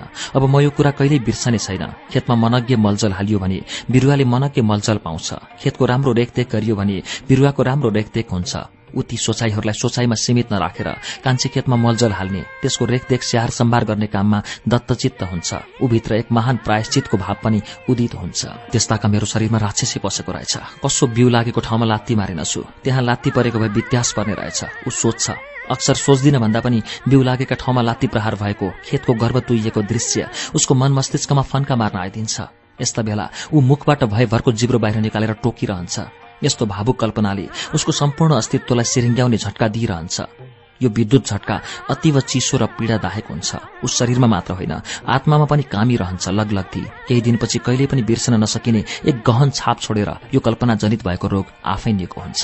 यतिकैमा वर्ष दिन व्यतीत हुन्छ।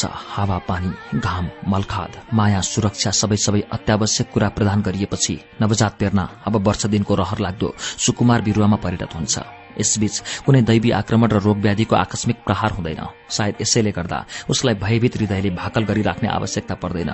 कहिलेकाहीँ कान्छी खेतमा अलिअलि छारो उड्ने गरी हावा चल्छ आक्कल झुक्कल सिमसिमे पानी पर्छ तर असिना नपरेको हुनाले उसलाई खासै चिन्ता लाग्दैन। उही माथि समयका अन्तरालमा राम्रै सप्रिएको अग्लिएको फैलिएको सुकुमार बिरुवाले यस्ता हावापानीका सामान्य र नियमित मौसम सहन गर्न जानिसकेको हुन्छ। आफ्नो बिरुवाले आर्जन गरेको यो प्राकृतिक अनुकूलताको प्रयोगात्मक ज्ञानदेखि ऊ धेरै नै आश्वस्त हुन्छ। यही आश्वस्ततामा यही निश्चिन्ततामा अर्को वर्षले बामे पाइलो सार्दै जान्छ पाइलाहरू सर्दै जान्छन् र जब समयका यी बामे सराईहरू तेज स्फूर्तियुक्त दौड़मा परिणत हुन्छन् तब कान्छी खेतको स्थूल मध्य उदर प्रदेशमा केही निश्चित र मौन हलचल देखा पर्न थाल्छ। ऊ त्यस आकस्मिक हलचलको अर्थ बुझ्न सचेत भई बस्छ यसलाई अनुभूति हुन्छ। उसको यो सचेतता इन्द्रियहरूका जालखानाभित्र कैद परेको छैन। ऊ अतीन्द्रिय रूपले पनि सचेत छ। जब कान्छी खेतको स्थूल मध्य उदर प्रदेश बुझिने हदसम्म माथि उठ्छ उसको अतीन्द्रिय सचेतनाको सन्देह वा पूर्वानुमान ऐन्द्रिक स्तरमा सत्य साबित हुन्छ। ऊ बुझ्छ कान्छी खेतमा अर्को बिउ लागेछ। ऊ यस सुखद कुराले उत्ताउलिने हदसम्म खुसी हुन्छ। आफ्नै पाराले हुर्रिए भन्दै आफैलाई बधाई दिँदै पछि ऊ कति कतिसम्म खुसी हुने हो र कति हदसम्म खुसी देखा पर्ने भन्ने सभ्यताको समस्याले पीड़ित हुन्छ। यही कारण तुरन्त र गलत निर्णयहरूबाट बच्न ऊ कान्छी खेतमा बिउ लागेको सत्यको झनक कतै नपरोस् नहोस् भनी सावधान हुन्छ। ऊ निकटतम कुटुम्बहरू र मित्रहरूलाई समेत खेतमा बिउ लागेको सुइको दिँदैन। यसरी जीवनमा गोप्यता निर्वाह गर्दा उसलाई बेग्लै आनन्द प्राप्त हुन्छ। तर उसको सौभाग्य हो वा दुर्भाग्य सावधानी र गोप्यताले कुनै काम गर्दैन। कता कताबाट निकटतम मित्रहरू र कुटुम्बहरूले सत्य सुँघेरै छोड्छन्। ती हुल बाँधेर आउँछन् ख्याप ख्याप पार्न खोज्छन्। बिरालाले गु लुकाए झैँ लुकाइस् नि के कुरा? ऊ नबुझ्ने प्रयास गर्छ। खेतमा बिउ लागेको कुरा। उल्लुहरूले चाल पाइहालेछन्। ऊ लाज पचाउन निच्च गरी दाँत देखाइदिन्छ। उल्लु होइन बाँसो भन् बाँसो होइन स्याल भन्। स्याल होइन काग भन् काग होइन फ्याउरो भन्। देखा छस् सोध्छ ऊ सत्य भनौ? भन्। अँ देखा छैन। ठूलो हाँसो हुन्छ। ऊ आफ्नो हाँसोको आयतन घटाउन मुख पुस्छ। चिउँडोसम्मै जीवन भनेको यही हो। नदेखेको कुरालाई देखे झैँ मान्नु। नबुझेको कुरालाई बुझे झै मान्नु। नभोगेको कुरालाई भोगे झै मान्नु। नफेरेको सासलाई फेरे झै मान्नु। नबाँचेको जीवनलाई बाँचे झै मान्नु। आँसु चुइने अट्टहास हुन्छ। ऊ फेरि आफ्नो अट्टहासको आयतन घटाउन मुख पुच्छछ चिउँडो समय लभन कहिले खुवाउँछस् के? ऊ फेरि नबुझ्ने प्रयास गर्छ।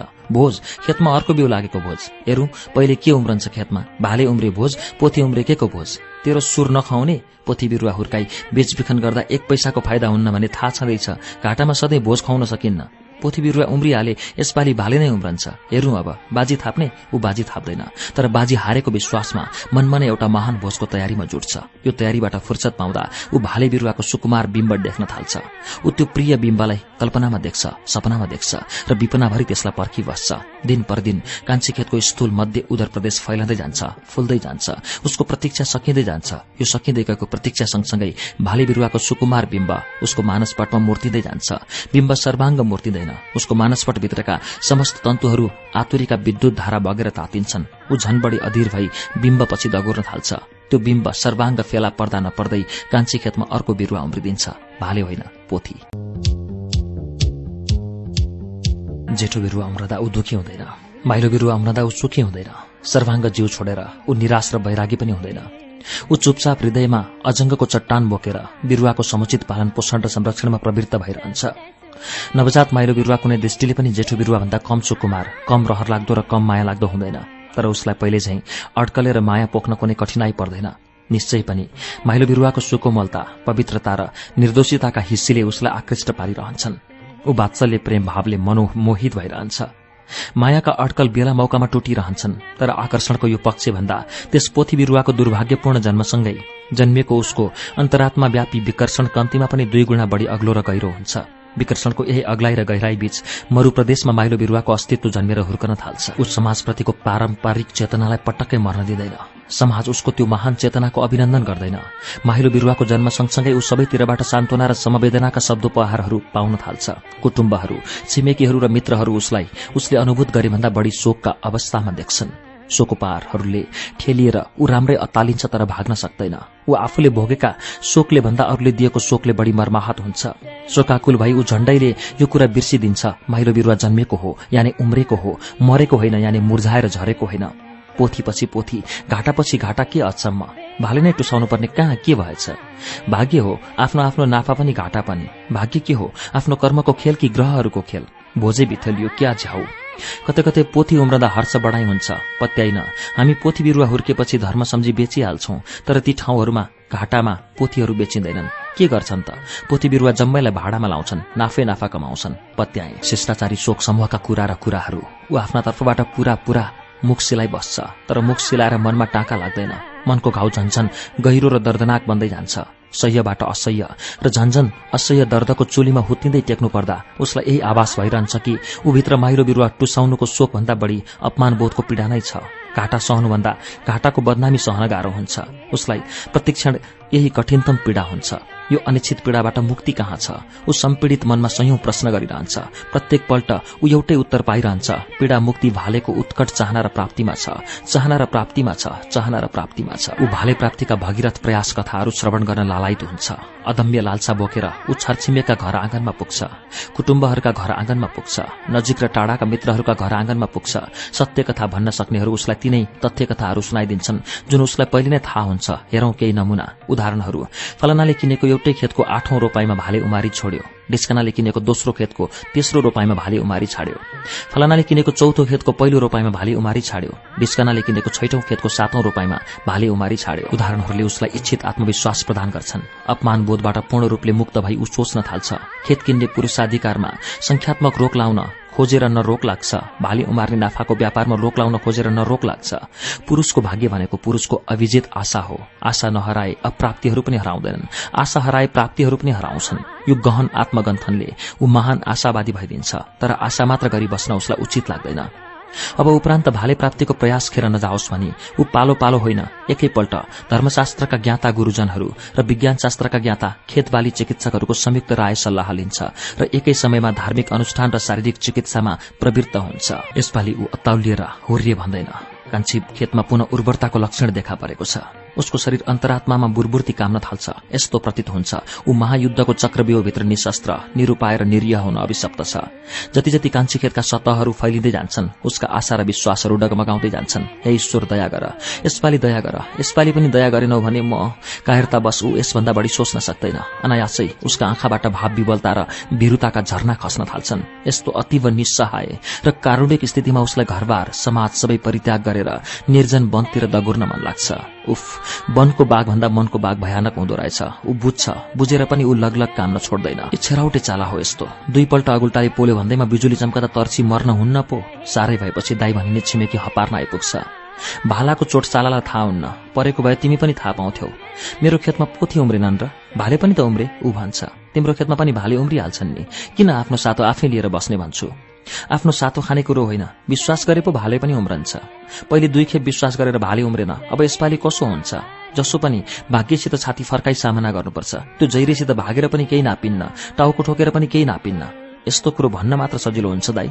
कर्म गर भाग्यसित नडर। यस्तो अर्थी दिन मात्र सजिलो हुन्छ। त्यसो भए जिउँदै मरिराख। मरेपछि किन मर्छौ? दाई भनिने छिमेकी जङ्गिएर हिँड्छ। प्रतिक्रियामा ऊ हाइलाग्दो दीर्घ निश्वास लिन्छ।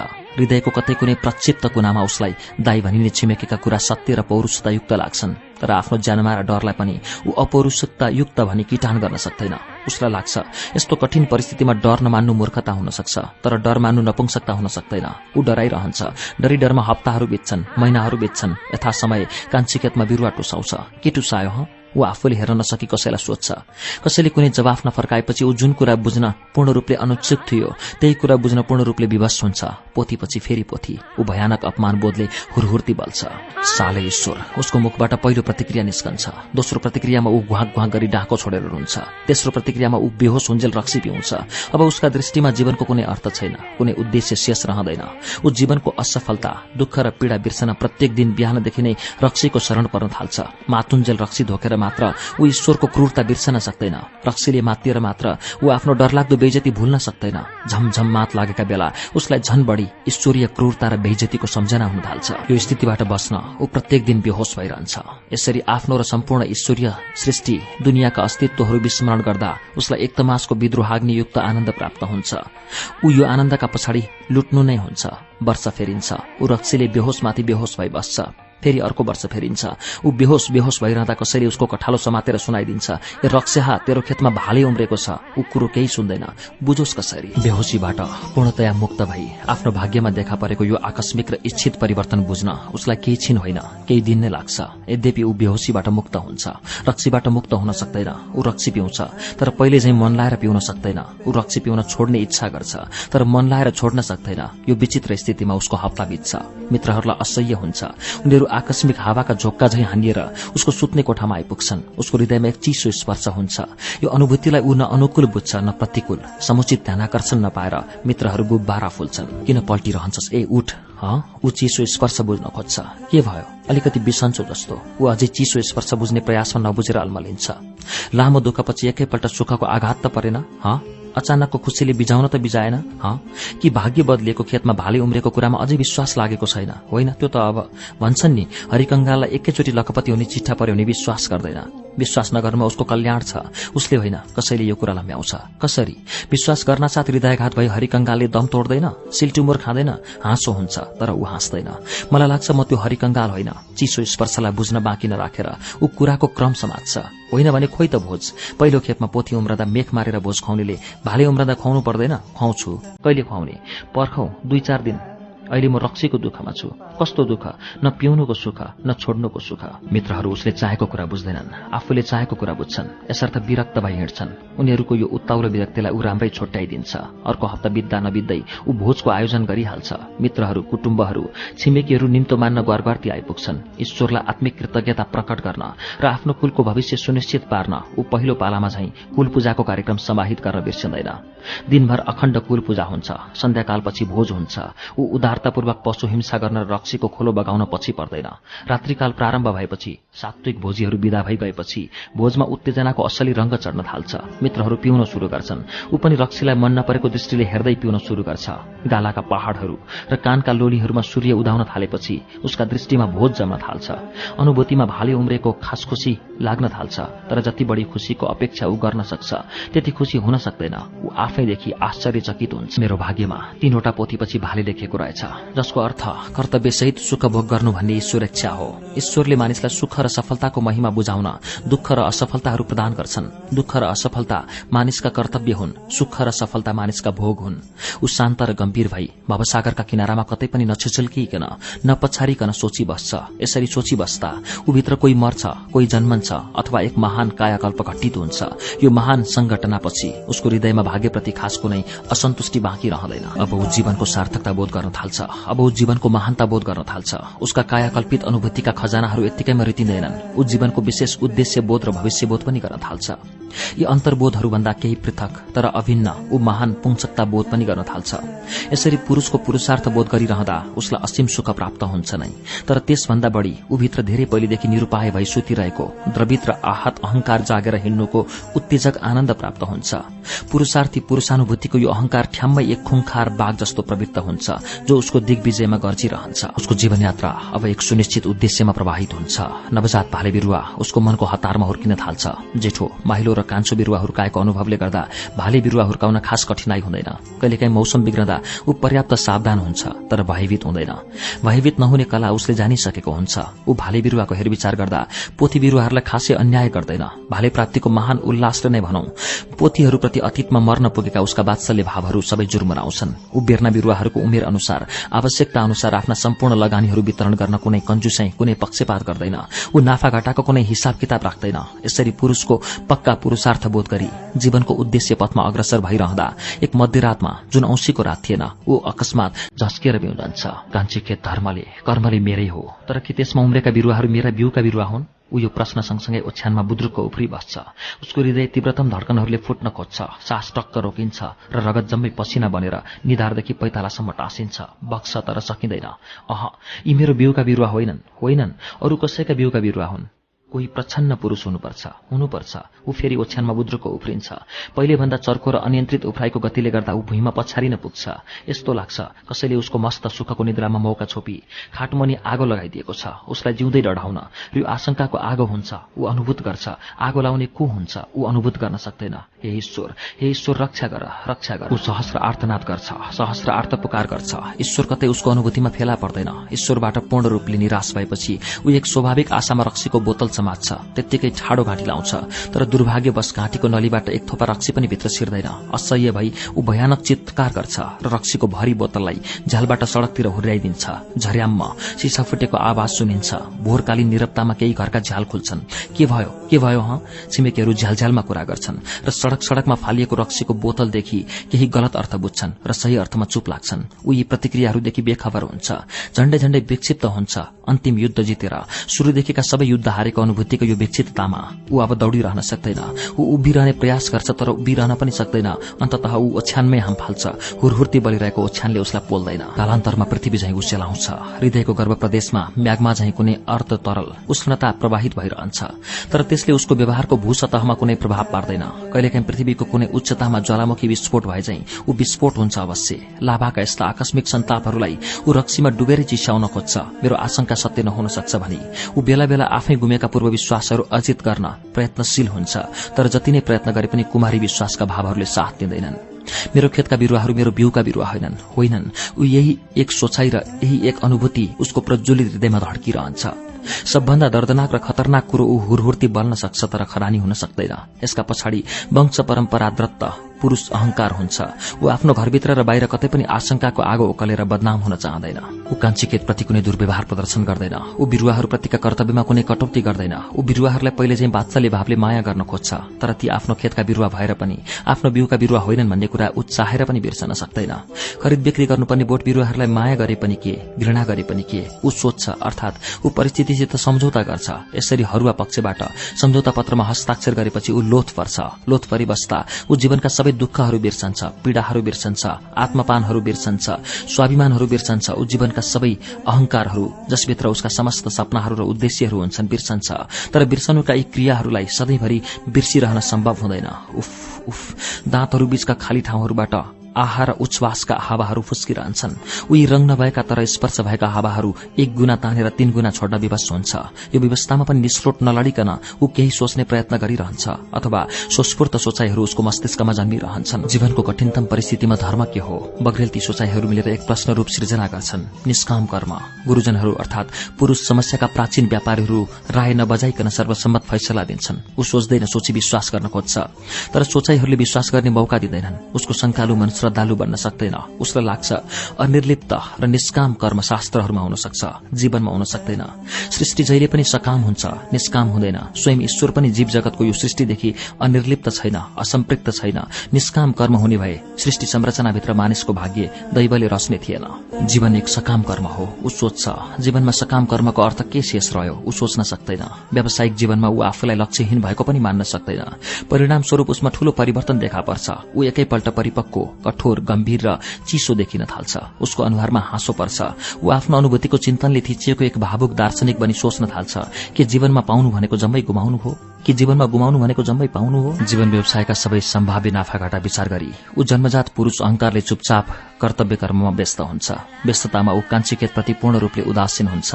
दुर्भाग्यवश यो उदासी उसले चाहे चाहिँ अपेक्षापूर्ण बन्न सक्दैन। कान्छी खेतमा उम्रेका बिरूवाहरूको समुचित हेरविचार गर्नुपर्दा ऊ कान्छी खेतलाई नदेखे झैं वा नचिने झैं गर्न सक्दैन। यस्ता पीड़ादायक समयहरूमा ऊ न आफूलाई हुरहुर्ती बल्नबाट रोक्न सक्छ न ऊ आफ्नो खेतको दलदले वा बुर्बरे माटाका अवयवहरू जो अन्य कुनै प्रक्षिप्त पुरूषका भोग चढेमा कुनै प्रतिशोधको आगो झोस्न सक्छ।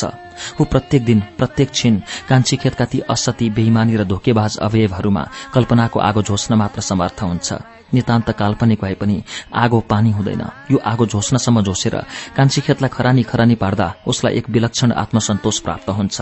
तर यो सन्तोषमा उस सत्य अकाल्पनिक असन्तोष र पीड़ा बिर्सन सक्दैन। दिन पर दिन ऊ आत्मा र हृदयको भित्री स्तरबाट उन्मादग्रस्त हुँदै जान्छ। ऊ कान्छी खेतलाई राम्रै घृणा गर्न थाल्छ। म खेतहरूलाई घृणा गर्छु। एक दिन ऊ दाई भनिने छिमेकीसित बहस गर्न पुग्छ। किन दाई भनिने छिमेकी आश्चर्यचकित हुन्छ। किनभने पृथ्वीमा खेतहरू जम्मै घृणायोग्य हुन्छन्। बिउ उमार्ने भएर बिउ नउमारे पनि खेतहरू घृणायोग्य हुन्छन्। किन हुन्छन् त नि किनभने हुन्छन् खेतहरू जम्मै त्यस्तै हुन्छन्। हिजो अस्तिसम्म रक्सी खान्थ्यो आजदेखि रक्सीले खान थालेछ। दाई भनिने छिमेकी झोकिएर भाग्छ। ऊ एक्लै खुसखुस गरी हाँसिरहन्छ हाँसो भत्लाग्दो लाग्छ। ऊ झन बढी हाँस्न थाल्छ। यो विचित्रको खुसखुसी हाँसोमा अनुभूति पीड़ा हुन्छ अनुभूति ज्ञान हुन्छ तर उन्मुक्त खुशीका भावहरू हुँदैनन्। यो अचाक्लीको अनियमितता भन्दा पर नियमित तवरले ऊ एक गम्भीर कर्तव्यनिष्ठ गृहस्थी नै भई बस्छ कान्छी खेतलाई घृणा गरेरै पनि ऊ त्यसमाथि उम्रेका बिरुवाहरूलाई केही आर्द्र र समशीतोष्ण दृष्टिले संरक्षण प्रदान गरिरहन्छ। उसको आन्तरिक चोटदेखि पूर्ण रूपले बेखबर जेठा माइला बिरुवाहरू निकै नै हुर्की अग्लिसकेका हुन्छन्। कान्छो बिरुवा पनि उमेरलाई माथ गरी हलक्क बढ़िसकेको हुन्छ। टाढाबाट हेर्दा माइलो र कान्छोमा कुन चाहिँ जेठो हो ठम्याउन गाह्रो गाह्रो पर्छ। कान्छो बिरुवा अथवा एकमात्र भाले बिरुवा समुचित लालन पालनमा राम्रै हुर्किरहे पनि नर्सरीको बेर्नावस्थाबाट माथि उक्लिसकेको हुँदैन। यो भाले बेर्ना हुर्केर अचंगको रूख कहिले बन्छ भन्ने कल्पनामा नफसेर पनि ऊ आफ्नो वंश परम्परा र उत्तराधिकारको चेतनाले गर्दा त्यसका प्रत्येक अवयवका वृद्धि दरमा उदासीन भई बस्न सक्दैन। ऊ यो सत्यबाट भाग्न सक्दैन कि भाले बेर्ना उसको बिउको शुद्ध बेर्ना नभए पनि उसको कुलको उत्तराधिकारी बेर्ना हो। सोचाइको यो अवान्तरमा ऊ भाले बेर्नाप्रति त्यति जिम्मेदार महसुस गर्दैन जति ऊ पहिले पहिले कल्पनाहरूमा गर्ने गर्थ्यो। ऊ सोच्छ भाले बेर्ना आफैमा एक खानदानी बेर्ना हो कुलको भविष्य दीपक बेर्ना हो त्यसैले त्यसप्रति निश्चिन्त भई बस्न सकिन्छ। असलमा। उसको जिम्मेदारी भनेका तीनवटा पोथी बिरुवाहरू नै हुन्। ती अरूलाई बेच्नुपर्ने धन हुन्। ती नासो धनहरूलाई चोरी डकैतीबाट बचाई हुर्काउनु सामाजिक रीतिथिति र संस्कार बमोजिम प्रतिष्ठायुक्त बजार मूल्यमा बेच्नु नै उसको खास जिम्मेदारी हो। यही भाव दृष्टिले जीवनका जिम्मेदारीहरू अनुभूत गर्दै ऊ समय काटिरहन्छ तर समय सधैँ अकाट्य लागिरहन्छ। तर जीवनमा बुझ्नुपर्ने कुरा उसलाई लाग्छ उसले बुझिहालेको छ। जीवनमा बुझ्नुपर्ने कुरा बुझेपछि नबुझ्नुपर्ने कुरा नबुझे पनि हुन्छ। जीवनमा भोग्नुपर्ने कुरा भोगेपछि नभोग्नुपर्ने कुरा नभोगे पनि हुन्छ। उसलाई लाग्छ जीवनमा अनुभूतिको महत्व सर्वोपरि छ। सत्यको महत्व भन्दा अनुभूतिको महत्व असत्य भए पनि दुई गुणा भारी हुन्छ। अनुभूति सत्यभन्दा सत्य हुन्छ सूक्ष्म र विशाल हुन्छ। अनुभूतिमा नआउने सत्यको छाला मात्र बाक्लो हुन्छ उसलाई पक्का विश्वासको ज्ञान प्राप्त हुन्छ। कान्छी खेतलाई कुनै प्रच्छन्न पुरूषले भोगेको छैन। म स्वयं प्रच्छन्न पुरूषको पौरुषता र कान्छी खेतको उर्वरता भोग गरिरहेको छु। ऊ अनुभूति सत्यको एक महान निष्कर्षमा पुग्छ। अब मैले व्यवसायिकताको यही स्वरूपमा शान्ति खोज्न जान्नुपर्छ। किनभने धर्म झैं शान्ति पनि एक व्यावसायिक अवधारणा हो। यतिखेर म जीवन व्यवसायमा एकहोरो होइन दोहोरो भोग गरिरहेछु। दोहोरो भोग महाभोग महाभोग। ऊ फुरुङ्ग पर्छ कता कता ऊभित्र एक प्रसन्न प्रशान्त प्रदीप्त महापुरूष जन्मे जस्तो हुन्छ। एक भोगी पुरूष। समाजमा उसलाई आफ्नो आयतन थाम्न गाह्रो पर्छ तर ऊ आफूलाई महापुरूष भन्ने गल्ती गर्दैन। ऊ मात्र तटस्थ स्थिर प्रज्ञ भावले बोट बिरूवाहरू हुर्काउने मूलभूत कर्तव्य कर्ममा प्रवृत्त भइरहन्छ। कर्तव्य कर्म गर्दा उसलाई न पीड़ा हुन्छ न आनन्द। उसलाई कर्तव्य कर्म भनेको एक विशुद्ध यान्त्रिक क्रिया जस्तो लाग्न थाल्छ तर ऊ आफूलाई यन्त्र सोच्न मन पराउँदैन। उसका नियन्त्रित तर अपरिचित अनुभूतिहरूमा लागिरहन्छ ऊ बिरूवाहरू हुर्काइरहेको छैन बिरूवाहरू आफै हुर्किरहेका छन्। सायद सृष्टिको सत्य यही हो जन्मनेहरू जन्मिरहन्छन् मर्नेहरू मरिरहन्छन् बीचमा कसैको उमेर हुँदैन यात्रा मात्र हुन्छ। यहाँ हामी अधिकार र कर्तव्यका साङले जाल बुनेर अरूलाई होइन आफैलाई अल्झाइरहेका हुन्छ। झैखुट्टे मार्काको लोकल रक्सीले झम्झमाएका समाजहरू अन्तहीन प्रश्नहरूमा अल्मलिरहन्छन् उसलाई यो सामाजिक परिस्थिति प्रिय लाग्छ रुचिकर लाग्छ र हृदय खोली बोल्न सान्दर्भिक लाग्छ। भोगको विश्वमा मौकाको महत्व वस्तुको महत्व भन्दा अधिक हुन्छ। ऊ सोध्छ र मौका छोपी बोल्छ। म खेतबारी भन्दा बढी कुरा भोग्न चाहन्छु। म पृथ्वीका ठूला ठूला फाँटहरू भोग्न चाहन्छु। म व्यक्तिगत सम्पत्तिको भोग मात्र होइन सार्वजनिक सम्पत्तिको पनि भोग चाहन्छु। त्यसो भए चुनाव लड। एकजना मित्र समाज चर्किएर कराउँछ। के को चुनाव लड्ने? राजनीतिक चुनाव लड्ने? धार्मिक चुनाव लड्ने? आर्थिक चुनाव लड्ने? कार्मिक चुनाव लड्ने मौक्षिक चुनाव लड्ने सांगठनिक चुनाव लड्ने धेरै समाजहरू एकसाथ प्रश्न गर्छन्। समाजहरूको यो चर्को जिज्ञासादेखि ऊ प्रभावित नभई बस्न सक्दैन। मलाई थाहा छैन म के चुनाव लड्नेछु तर व्यक्तिगत चुनाव लड्ने छैन सार्वजनिक चुनाव लड्नेछु। त्यो म भन्ने छु तर अलि पछि त्यस्ता झ्वाम कुराले हुँदैन। जीवनमा चुनाव जेको लडे पनि हुन्छ। बीच बचाउ गर्दै एकजना उपबुजुर्ग समाज आफ्नो राय प्रस्तुत गर्छ। पृथ्वी भोग गर्ने हो भने जेको चुनाव लडे पनि हार्न हुँदैन। मैले जानेको कुरा यति हो। खाटी कुरो जानेका रहेछौ। कुनै समाजले समर्थन गरिदिन्छ। अन्य केही समाजहरूले समर्थनमाथि समर्थन व्यक्त गरिदिन्छन्। जेको भए पनि चुनाव लडिदिउँ त लड। लडिदिउँ त लड। लडिदिउँ त लड। प्राय सबै समाज एकमत हुन्छन्। फेरि बम बनेर पड्कन तत्पर छिमेकी समाजको फ्युज उठ्छ। ऊ घर फर्कँदासम्ममा पूर्ण रूपले सार्वजनिक महत्वको चेतनामा रूपान्तरित भइसकेको हुन्छ र रात्रिकालीन सुनसानमा हिँड्दा जब उसलाई नचिन्ने भुसिया कुकुरहरू भुक्दै पछि लाग्छन् ऊ तिनीहरूमाथि सार्वजनिक दृष्टि फ्याँक्न बिर्सदैन। मध्यरातमा छाती थिचेर हिकेकाउँदै बान्ता गरेपछि ऊ बल्ल व्यक्तिगत हुनुपर्छ। शेष रातभर नपरेको निद्रा पनि व्यक्तिगत हुन्छ। बिसन्चो बिहानभर पनि ऊ नितान्त व्यक्तिगत हुन्छ। अब ऊ छिमेकका कुराहरूमा रुचि लिन थाल्छ। ओडाका कुराहरूमा रुचि लिन थाल्छ। अब ऊ नगरका कुराहरूमा रुचि लिन गाउँका कुराहरूमा रुचि लिन थाल्छ। अब ऊ देशका कुराहरूमा रुचि लिन थाल्छ। विदेशका कुराहरूमा रुचि लिन थाल्छ। अब ऊ धर्मका कुराहरूमा रुचि लिन थाल्छ भाषाका कुराहरूमा रुचि लिन थाल्छ जातिका कुराहरूमा रुचि लिन थाल्छ। अब ऊ राष्ट्रिय अर्थतन्त्रका कुराहरूमा रुचि लिन थाल्छ अन्तर्राष्ट्रिय अर्थतन्त्रका कुराहरूमा रुचि लिन थाल्छ अब ऊ दुर्भिक्षहरूमा रुचि लिन थाल्छ रोग व्याधिहरूमा रुचि लिन थाल्छ अभिरुचिका अपार भण्डार फेला परेपछि ऊ केही दिनसम्म पुलकित भइरहन्छ। ऊ प्रत्येकभित्र समाज छिमेकी समाज कुटुम्ब समाज र अन्य परिचित अपरिचित समाजसित अभिरुचिका असंख्य प्रश्नहरू गरेर भाले भइबस्छ। उसलाई लाग्छ समाजमा इच्छित प्रतिष्ठा भोग गर्ने हो भने पुरूषले आफ्नो पुरूषत्वको घोषणा गर्नै पर्छ। घरभित्र पुरूषत्व लुकाई बस्नेहरूले मरेपछि स्वर्ग भोग गर्न सक्छन् तर नमरेसम्म नर्क भोग गरिरहन्छन्। कि पृथ्वी भोग नर्क भोग हो? ऊ पूरा पूरा असहमत हुन्छ।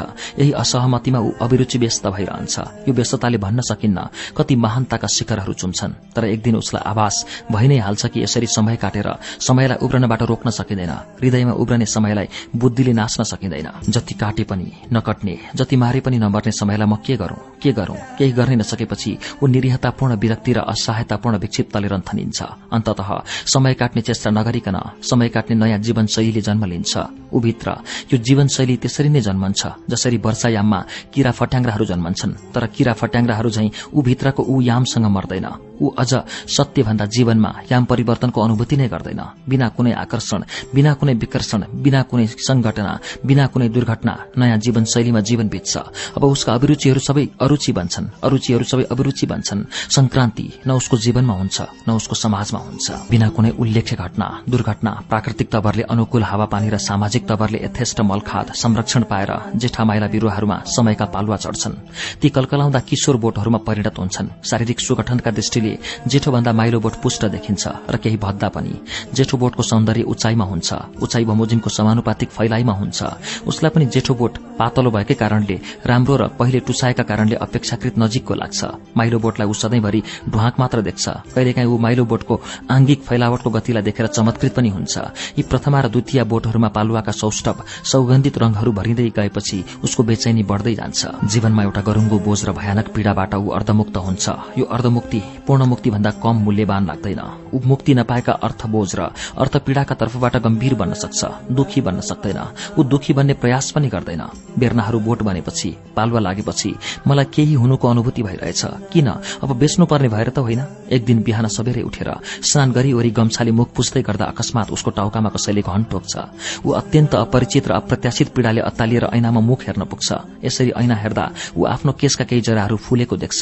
गहिरेर हेर्दा कनपट्टिका रौंहरू राम्रै फुलेर टाढाबाट देखिने हिमालयका श्रृंखला जस्ता देखिन्छन्। उसलाई अपार विस्मय हुन्छ। म त बुढो पो भएछु। ऊ मनमा नै पहिलो टिप्पणी गर्छ र ऐनामा आफूलाई सकभर तरूण खोज्छ। खोज्दै जाँदा अनुहारका खाल्टाहरू गिर्खाहरू मोटा धर्साहरू फेला पर्दै जान्छन्। उसलाई आफ्नै अनुहारदेखि विरक्ति लाग्छ। तर जति विरक्ति लागे पनि ऊ अरू नै केही फेला पर्न सक्ने आशाले ऐना अघिल्तिर डटिरहन्छ र आफ्नो अनुहारको घोर आलोचना गरिरहन्छ। किन घुरेको हो? ऐना पट्ट फुट्ला। ऊ आफ्नो नाङ्गो कुममा कसैको स्वरको गर्मी अनुभव गर्छ। ऊ पछिल्तिर फर्की हेर्दैन आगन्तुक टाढा बस्ने नजिकको कुटुम्ब हुन्छ जोसित उसको सम्बन्ध कौटुम्बिक भन्दा बढी मित्रतापूर्ण हुन्छ। उमेर गएछ त। ऊ ऐनाबाट नहटिकन पूरा पूरा भाव गम्भीर हुन्छ। कहाँ गयो त? यी यहाँ फुलेका सेता केसमा बुढो भएछु म त। ऊ रमाई रमाई भन्छ। यसरी रमाउँदा ऊ अघिका नरमाइला भावहरू सबै बिर्सिदिन्छ। दुई चारवटा रौं फुलेर मान्छे बुढो हुँदैन। यो त जीवनमा अनुभव र भोगको निशानी हो। यी मेरा त आधा कपाल स्वाट्टै फुलिसके। टाढा बस्ने नजिकको कुटुम्ब नजिकै बस्छ। तिम्रो त खानदानी फुलाइ हो। ऊ ऐनाबाट हट्छ र हातमा लुगा सिरुँदै बोल्छ। कसको फुलाइ अखानदानी छ? उमेर बढ्दै गएपछि ढिलो चाँडो सबैका केस पाक्छन् नपाके झर्छन्। कुरा ठिक भन्यो। यो उमेरको विज्ञान हो नभए मनोविज्ञान। उमेर कति भयो तिम्रो? पूरै आधा शताब्दी। आधा शताब्दीमा त्यतिको फुलाइ बढ़ी होइन। वास्तवमा मान्छे टाउकाका रौं फुलेर बुढो हुँदैन। बेर्नाहरू बेच्ने उमेरमा पुगेपछि हुन्छ। सत्य भन्यो। मेरा दुईवटा बेर्ना तरुना भइसके। सायद त्यसैले मेरा रौंहरू फुल्न थाले। बेचबिखन नगर्ने?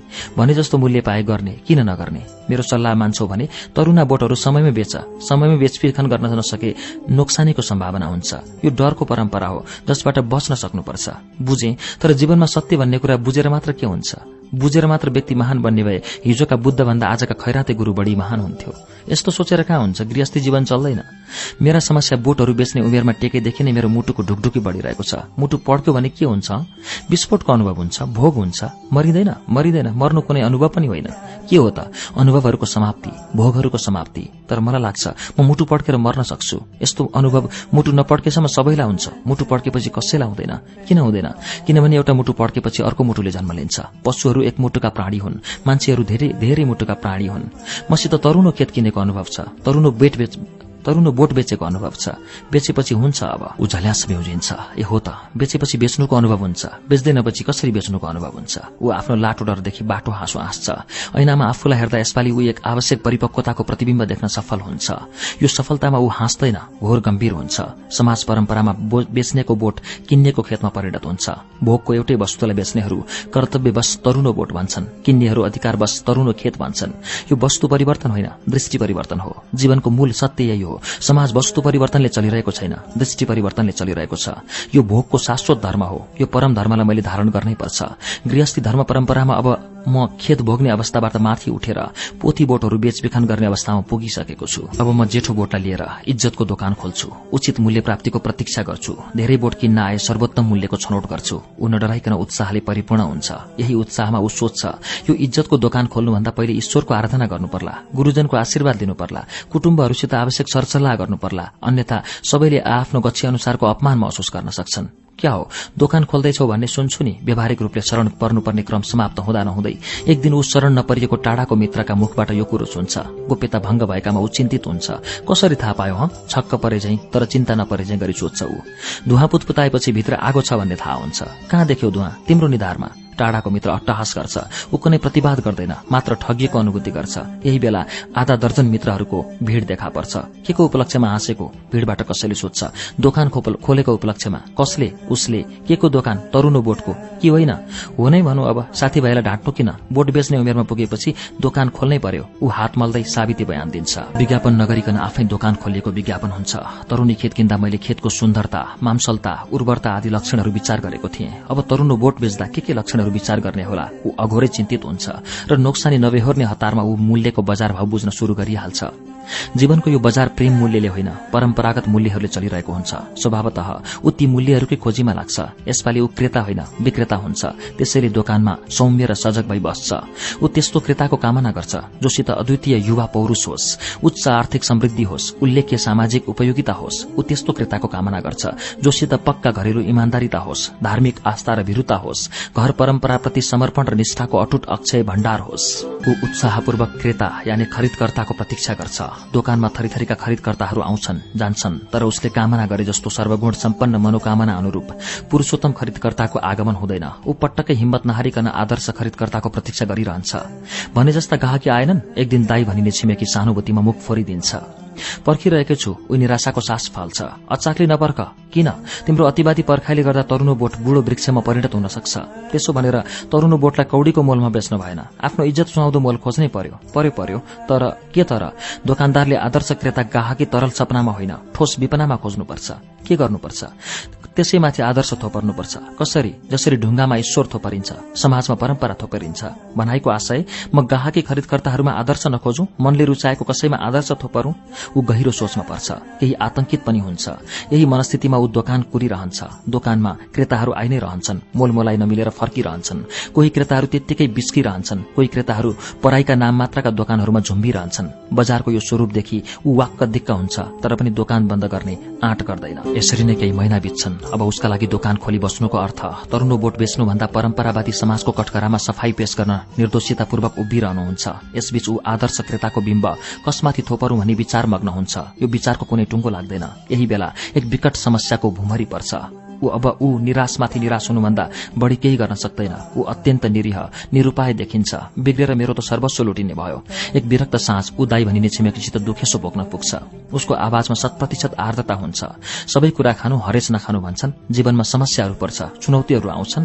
दाई भनिने छिमेकी उसलाई आशाको बाटो देखाउन कम्बर कस्छ। अरूले दिएको उपदेशमा जीवन नचल्ने रहेछ दाई।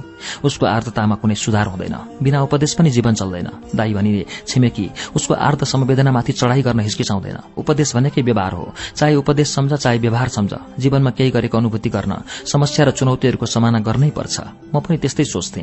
ऊ आर्द्रतामा सुधार ल्याई आफ्ना तर्फबाट स्पष्टीकरण दिन थाल्छ। बिरूवाहरू ससाना छँदा कर्तव्य गर्दा पनि कर्तव्य गरेको अनुभूति नहुँदा प्रत्येक दिन समय मात्र उब्रिरहँदा म त्यस्तै सोच्थे। जीवनमा केही आकस्मिक समस्याहरू परिदिए हुन्थ्यो।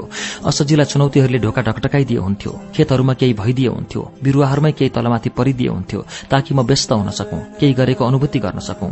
अहिले मरेर पनि यस्तो कामना गर्न सक्दिन। म बेच्नुपर्ने बोटहरू रोगाएको ओइलाएको हेर्न सक्दिन। जीवनमा केही गरेको अनुभूति गर्न म मर्न सक्छु तर तरुना बोटहरू झरेको हेर्न सक्दिन। जीवनमा समस्या र चुनौतीको अर्थ अरू नै हुनुपर्छ यो होइन हुनै सक्दैन। ऊ विषादग्रस्त हुन्छ। अवसादग्रस्त हुन्छ। दाई भनिने छिमेकी कुनै हस्तक्षेप गर्न सक्दैन। आशाको बाटामा निराशाको घटाटोप अँध्यारो फिजिन्छ। अँध्यारोको न सुगन्ध हुन्छ न दुर्गन्ध। जेठो बोट हद ननागिकन मुर्झाइरहन्छ। अब ऊ सम्पूर्ण हृदय इच्छाले जेठो बोटका हद ननागिएका मुर्जानाहरू समाप्त हुने समयको प्रतीक्षा गरिरहन्छ। प्रतीक्षा महिनौ लम्बिन्छ। जेठो बोट उसको हृदयको हतारमा स्वस्थ हुँदैन। आफ्नो प्रथम बोटको खङ्रङ्ग सुकेको जर्जर स्वरूप र अङ्ग प्रत्यङ्गमा आँखा पर्दा उसलाई पीड़ा हुन्छ। तर यो विशिष्ट आशामा प्रसन्न चित्त लिई बस्छ कि भीषण रोगका कीटाणुहरूसित मुकाबिला गरी पुनर्जीवनमा फर्केको जेठो बोट चाँडै नै जीवनेच्छाले भरिँदै जानेछ। चाँडै नै जेठो बोटका हराएका सौन्दर्यहरू फर्किआउनेछन्। अर्थात जेठो बोट चाँडै नै फेरि फक्रिनेछ र बिक्रीका लागि योग्य हुनेछ। स्वप्नवत ऊ कान्छी खेतको किनारै किनार घुम्न थाल्छ। यो असाध्य कष्टसाध्य मौसमको ऋतु परिवर्तनपछि उसको जीवनमा सुखै सुखको बहार आइहाल्दैन। बितेको भयावह मौसमले उसको निधार र सिंहको अनुहारमा केही अमेट धर्साहरू छोडी गएका हुन्छन्। यी धर्साहरूले निश्चय पनि शारीरिक प्रौढता अभिवृद्धि गरिदिन्छन् तर उसको हृदय अनुहार जति प्रौढ थकित र घना गम्भीर देखा पर्दैन। हृदय समुद्र हुन्छ जहाँ दुःखका छालहरू विलिन भइसकेका हुन्छन्। विश्रान्त मनस्थिति बोकेर ऊ कान्छीखेतको छेउछाउ निष्पेक्री घुम्छ सम्भवतः ऊ कान्छीखेतलाई त्यही आसक्तिले परिक्रमा गर्छ जुन आसक्तिले पृथ्वीले सूर्यलाई परिक्रमा गर्छ। अब ऊ दोकानमा भएर पनि दोकानमा हुँदैन। दोकान बन्द हुनुको औपचारिक घोषणा गर्नु पनि ऊ आवश्यक मान्दैन। उसलाई लाग्छ दोकान खोलिरहनु उसको कार्यस्थ परम्परा हो। भलै दोकानमा बेच्नुपर्ने वस्तुहरूको अकाल परोस्। यहाँ कर्तव्यको मात्र कुरो छैन अधिकारको पनि कुरो छ। केही अप्रिय समायावधिका लागि बेच्नुपर्ने वस्तुहरू वा तरुणा बोटहरू रोगाउँदैमा मुर्झाउँदैमा दोकानको अस्तित्व मेटिँदैन। न तरुणो बोटका यथार्थ बजार मूल्यहरू परिवर्तित हुन्छन्। पक्कै पनि उसलाई यस्तो लागिरहन्छ। अब ऊ खुट्टाले मात्र होइन हृदयले पनि निष्पेक्री घुम्छ यो दोहोरो घुमाइले उसमा एक गजबको स्फूर्ति र आवश्यकता पैदा गर्छ। यस्तो लाग्छ उसको शरीरभित्र एक नयाँ संयन्त्र जडान भएको छ। यो संयन्त्रका अविराम अभिनव गतिहरू भोग्दै निष्पेक्री घुम्दा एक बुढो साँझ अनायास उसको दृष्टि दूरस्थ समीपमा झ्याङ्गिएको माहिलो तरुणो बोटमा पर्छ। ऊ आफ्नो स्वामित्वको अन्दाज अन्तस्थ अनुभूतिले झ्याङ्गिएको माहिलो तरुणो बोटलाई हेरिरहन्छ। उसलाई कता कता के के चर्को शंका लाग्छ उसको सामुद्रिक हृदयमा दुम्सेका काँडाहरू फुल्छन्। माइलो बोटनिर कोही छ जस्तो लाग्छ। कतै त्यसले माइलो बोटको फल चोरिरहेको त छैन। उसलाई शंकामाथि झन ठूलो शंका लाग्छ। उसको दृष्टि साँगोरिँदै गहिरिँदै र तिखिँदै जान्छ। अब उसको हृदय मात्र फुल्दैन सम्पूर्ण ब्रह्माण्ड नै रन्किन थाल्छ। गोदलीको त्यो बिजोग साँझ ऊ आशंकाको चोरीलाई सत्य प्रमाणित गर्न महान धैर्यपूर्वक जासुसी गरी बस्दैन। ऊ दूरस्थ समीपबाट लुक्दै गएर चोरलाई चोरी गरिरहेकै अवस्थामा पक्रने योजना बनाउन सक्दैन। ब्रह्माण्ड रन्केपछि ऊ तुरन्त विस्फोटित हुन्छ। ऊ दगुर्दै होइन। लामा लामा फड्का मारेर उफ्रँदै माहिलो बोटनिर पुग्छ। कोही आफ्नो कुमार बोटको फल चाखेर त्यसकै छहारीमा सुस्ताइरहेको देख्दा ऊ रिस र पीडाले पागलै हुन्छ। हे चोर चोर चोर चोर चोर ऊ सम्पूर्ण सामर्थ्यले चिच्याउँछ। ज्याङ्गेको माहिलो बोटको छहारीमा आँखा चिम्लेर सुस्ताइरहेको ठिटो चोर बिरालो बेगमा उठेर कतै हाम फालिहाल्छ। ऊ ठिटो चोरलाई समात्न दगुर्ने कि चोर चोर भनेर चिच्चाइरहँ भन्ने अन्तर्द्वन्दमा फसी निमेषभरका लागि कर्तव्य विमोड हुन्छ। अन्तर्द्वन्दबाट उम्किँदासम्ममा चोर भनिएको ठिटो ओझेल परिहाल्छ। ऊ पछितो मान्दै यताउति दगुर्छ र रित्तै हात झ्याङ्गिएको माहिलो बोटनिर फर्किन्छ। माहिलो बोटनिर छिमेकका केही व्यक्तिहरू आइपुगिसकेका हुन्छन्। के भयो? केही अप्रिय अनुमान गरी दाई भनिने छिमेकी प्रश्न गर्छ। चोर लाग्यो कहाँ? यही माइलो बोटमा। खोइ त चोर त्यसलाई पाता कसेर बाँध्नु पर्दैन? दाई भनिने छिमेकीका आँखाहरू बलड्याङ्ग्रिन्छन् भागिहाल्यो अधर्मी। ऊ पुरपुरो समातेर थचक्क बस्छ। दाई भनिने छिमेकी बाहेक अन्य छिमेकीहरू पनि थुचुक थुचुक बसी उसको दुःखमा साथ दिन्छन्। साँझले रातको तन्ना फेर्छ। दाई भनिने छिमेकीका बल्ट्याङ्ग्रिएका आँखाहरू सेलाएपछि छिमेकीहरू उठ्छन्। नामर्द भई पुरपुरो समाइ नबस। उठ केही सोच। दाई भनिने छिमेकी केही प्रेरक वचन भन्न खोज्छ। ऊ अँध्यारामा उठ्छ र अँध्यारामै दाई भनिने छिमेकी गन्ध सुङ्छ के सोचौं? ऊ सासै सासले बोल्छ। चोर समात्ने कुरा सोच। कसरी? तरुणी बोटको फल चाख्न पर्खेका चोरहरूले एकपल्ट मात्र चोरी गर्दैनन्। कुरो बुझेनौ? दाई भनिने छिमेकी कुरो बुझाउन खोज्छ। मैले कुरो बुझेँ। एकछिन मौन छिमेकी पहिलोपल्ट कुरा बुझाइएको अमौन घोषणा गर्छ। यसपछि पालो पालो अन्य मौन छिमेकीका मौनताहरू पनि तोडिन्छन्। त्यो चोर आज मध्यरातमा फर्किआउन सक्छ। झिसमिसी बिहानीमा पनि आउन सक्छ। रातभर जागराम बस्नुपर्छ। झाल बिछ्याउनुपर्छ। पाता फर्काउनुपर्छ। हात भाँच्नुपर्छ। खुट्टा भाँच्नुपर्छ। नाक काट्नुपर्छ। मोसो दल्नुपर्छ। छिमेकीहरू सबै एकमत हुन्छन्। सबैलाई आफ्नो घरमा चोर पसेको पीड़ा हुन्छ। त्यस रातभर छिमेकीहरू उसको सहायतार्थ सोध्दैनन् सम्पूर्ण रात बित्छ तर चोर पक्राउ पर्न आइपुग्दैन। झिसमिसी बिहानी हुन्छ। पहरेदार छिमेकीहरू कोही सुत्छन् कोही उङ्छन् ऊ असाध्य पीरा आँखाले टोलाइरहन्छ। चोर त्यतिखेर पनि देखा पर्दैन। पूर्वीय आकाशमा लालीमा छाएपछि छिमेकीहरू आफ्ना घर जान्छन्। ऊ नितान्त एक्लो र दुखी हुन्छ। दिउँसो उसलाई प्रचण्ड गर्मी अनुभव हुन्छ। चोर लाग्ने डरले ऊ पटक्कै सुत्न सक्दैन। रात परेपछि दाई भनिने छिमेकी आइपुग्छ। छिमेकीहरू कोही आइदिएनन्? आएका छैनन्। कति निद्रा बिगार हुन् त नि? आफ्ना घरधन्दा सबैका छन्। तिम्रा छैनन्? छन्। किन हुँदैनथे किन आयो त तिमी म कहाँ आफ्नो घरधन्दा छोडेर? मेरा कुरा अर्कै छन्। आजको रात म एक्लै जागा बस्ने भए तिमी सुते हुन्छ। चोर आए झ्याप्पै समात्छु। दाई भनिने छिमेकी दृढ उत्साहपूर्वक बोल्छ। उसलाई छिमेकीहरूको आलोचना गर्न मनै लाग्दैन। त्यस रात पनि चोर फर्किआउँदैन यस्ता अपेक्षित रातहरू अरू पनि बित्छन्। दाई भनिने छिमेकीलाई ठूलो निराशा हुन्छ। चोर कच्चै रहेछ त्यसको सातो गए जस्तो छ। निद्रा बिगारेर केही काम छैन अब। दाई भनिने छिमेकी हरेस खाई आफ्नो मत अभिव्यक्ति राख्छ। ऊ केही ढुक्क हुन्छ तर पूरै ढुक्क हुन सक्दैन। प्रचण्ड गर्मीको एक साँझ अकस्मात उसको श्वास प्रश्वासको क्रम चोडिन्छ। ऊ झस्सँग झस्केर बिउजिन्छ उसलाई छोटो सपनामा चोर लागेको स्मृति हुन्छ। विपनामा सत्य असत्य स्वप्नेले स्मृतिबाट मुक्त हुन ऊ झ्याङ्गेको माहिलो बोटलाई हेर्छ। हेराई खास गम्भीर हुँदैन। एक साधारण हावाको झोक्का लागेर उसको हेराई सेतो बादल झैं उठ्छ। चोर चोर चोर चोर अकस्मात निकटस्थ दूरीबाट दाई भनिने छिमेकी कराएको आवाज सुनिन्छ। ऊ हडबडाएर उठ्छ। झ्याङ्गेको माइलो बोटनिर दृष्टि दिँदा ऊ दाई भनिने छिमेकीलाई चोरको कम्मर पछिल्तिरबाट समातेर तानिरहेको देख्छ। ठिटो चोरको बल र भाग्ने उपक्रम कामले गर्दा दाई भनिने छिमेकीको दम फुलिसकेको हुन्छ। ऊ दगुर्दै त्यहाँ पुग्दा दाई भनिने छिमेकी आफ्नो अन्तिम बलले चोरको कम्मरमा झुन्डिरहेको हुन्छ। तँलाई असत्य अधर्मी ऊ आक्रोशले भयंकर हुन्छ र थरथरती कामदै चोरका गालामा झ्याम झ्याम पाँच झापड मार्छ। ठिटो चोर कुनै प्रतिकार गर्दैन भाग्ने उपक्रम पनि गर्दैन। आँधी तुफान बीचको एउटा बेढङ्गी रूख चाहिँ ठिङ्ग उभिए मात्र रहन्छ। दाई छिमेकीको दम व्यवस्थित हुन समय लाग्छ। ऊ बित्ताभर उफ्रेर बम्किरहन्छ घरिघरि पिटला झैं पनि गर्छ। चोरले कुनै प्रतिक्रिया जनाउँदैन। यो देखि दाई भनिने छिमेकीको आक्रोशको तापमान हात घट्छ। मान्छे हेर्दा चोर जस्तो त लाग्दैन। किन अरूका बोटमा फल चोरी राख्ने हो? दाई भनिने छिमेकी घटेको तापमानलाई नघटेको मानि दृष्टि देखाउँछ। मैले फल चाखेको छु तर चोरेको छैन। गरुङ्गो र अकम्बित आवाजमा चोर सफाई पेश गर्छ। अझ चोरेको छैन भन्छस् असत्य अधर्मी ऊ दुई बित्ता उफ्री बम्किन्छ। म सत्य र धर्म जान्दिन प्रकृति र जीवनका कुरा जान्दछु। प्रकृतिमा फल फलेपछि चाखिन्छ चाखिनलाई नै प्रकृतिमा फल फल्छ चाहे ज्ञान वृक्षको फल होस् चाहे तरुणो बोटको फल होस्। चोर उही आवाजमा अविचलित भावमा बोल्छ। दाई भनिने छिमेकी चोरको निडरतादेखि प्रभावित नभइरहन सक्दैन। हाम्रो समाज परम्परा अनुसार फल किनेर चाख्नुपर्छ। सित्तैमा फल चाख्न पाइँदैन। किनबेच नगरी सबैले अरूका खेत र बोटका फल चाख्न थाल्ने हो भने अराजक सिर्जना हुँदैन मान्छे पशु हुँदैन।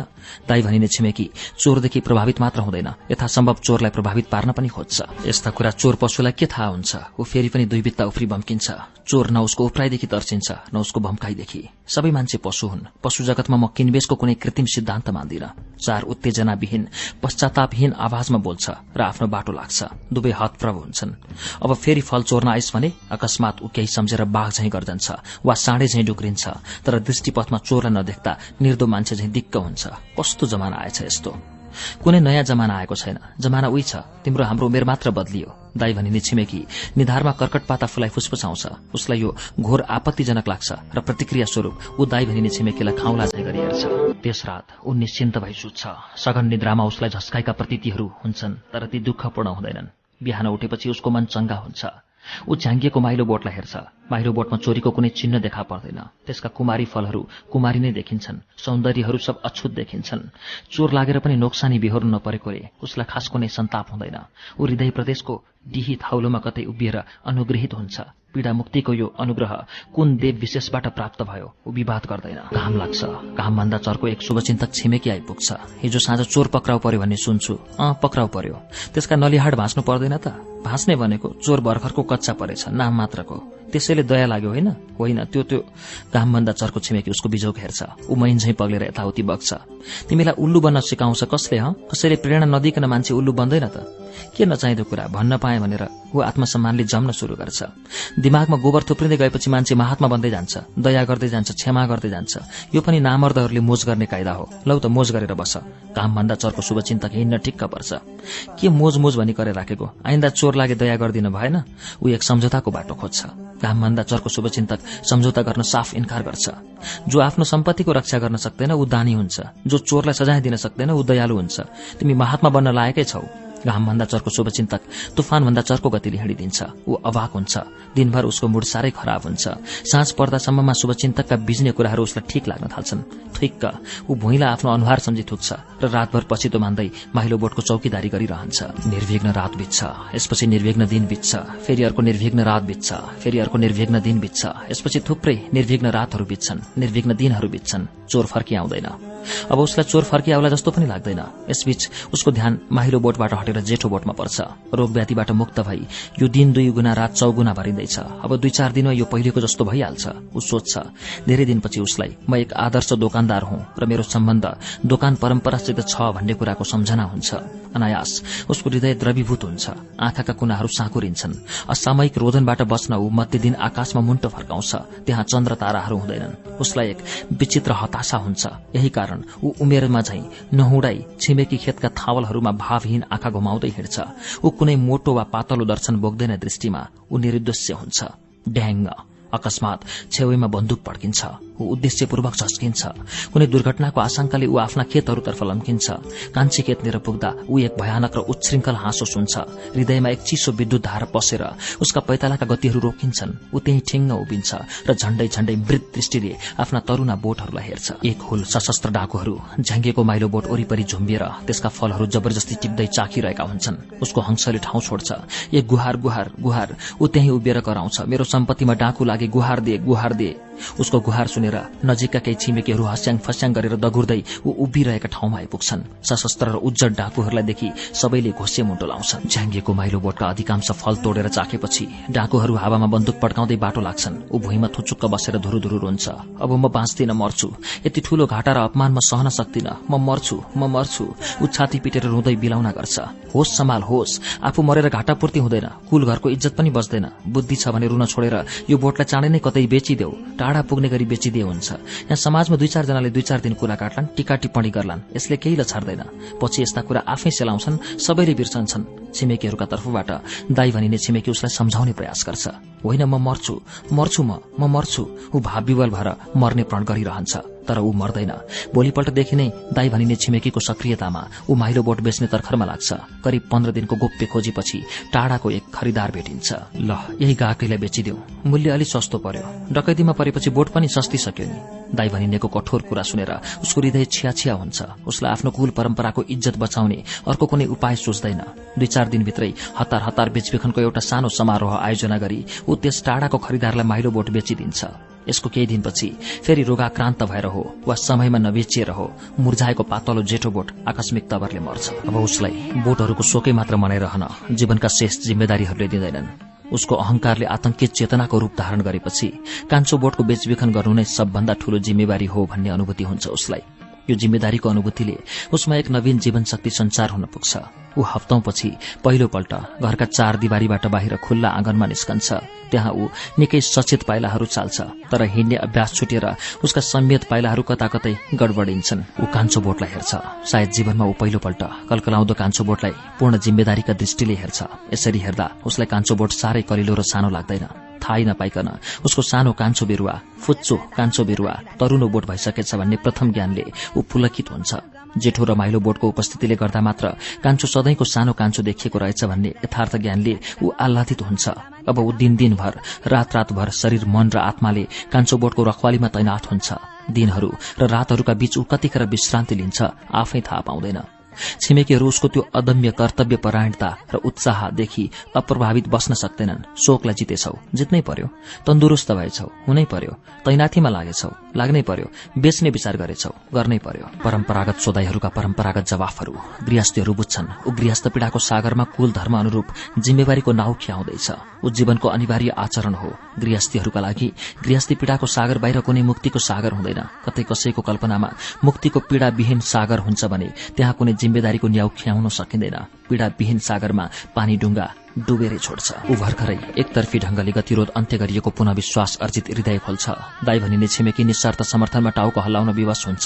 कता कता उसलाई यो अनुभूति भइ नै हाल्छ। दाई भनिने छिमेकीको अन्तर हृदयमा ईश्वर सम्बन्धी कुरा गर्ने चाहना नै छैन। ऊ गम खान्छ। दाई भनिनेले गम खान छोड्छ। एउटा कुरो गर्नु छ। के कुरो? हरेस खान्छौ कि? कुरो त भन। सहन सक्दैनौ कि? भन न उसको हंसले ठाउँ छोड्छ। निमेषभरमा ऊ पसिनाले नित्रुक रुच्छ। दाई भनिने उसलाई यसरी हेर्छ। मानव ऊ रित्तिने क्रममा चुहुँदा चुहुँदै रित्ति नसकेको एउटा भाँडो हो। के भन्नु खोइ अब? नभनी पनि भएन। दाई भनिने भन्ने आँट संग्रह गर्छ। तिम्रो त्यो तरुनो कान्छो बोटमा के भो के के भीषण आशंकाले उसलाई मरणान्त पीड़ा हुन्छ? यस्तो प्रतीत हुन्छ। मरणान्त अवस्थामा ऊ केही भन्न खोज्दैछ तर शब्दहरू जम्मै घिटी घिटी परेर घाँटी मुनि अड्किरहेछन्। त्यति साह्रो डराउनु पर्दैन।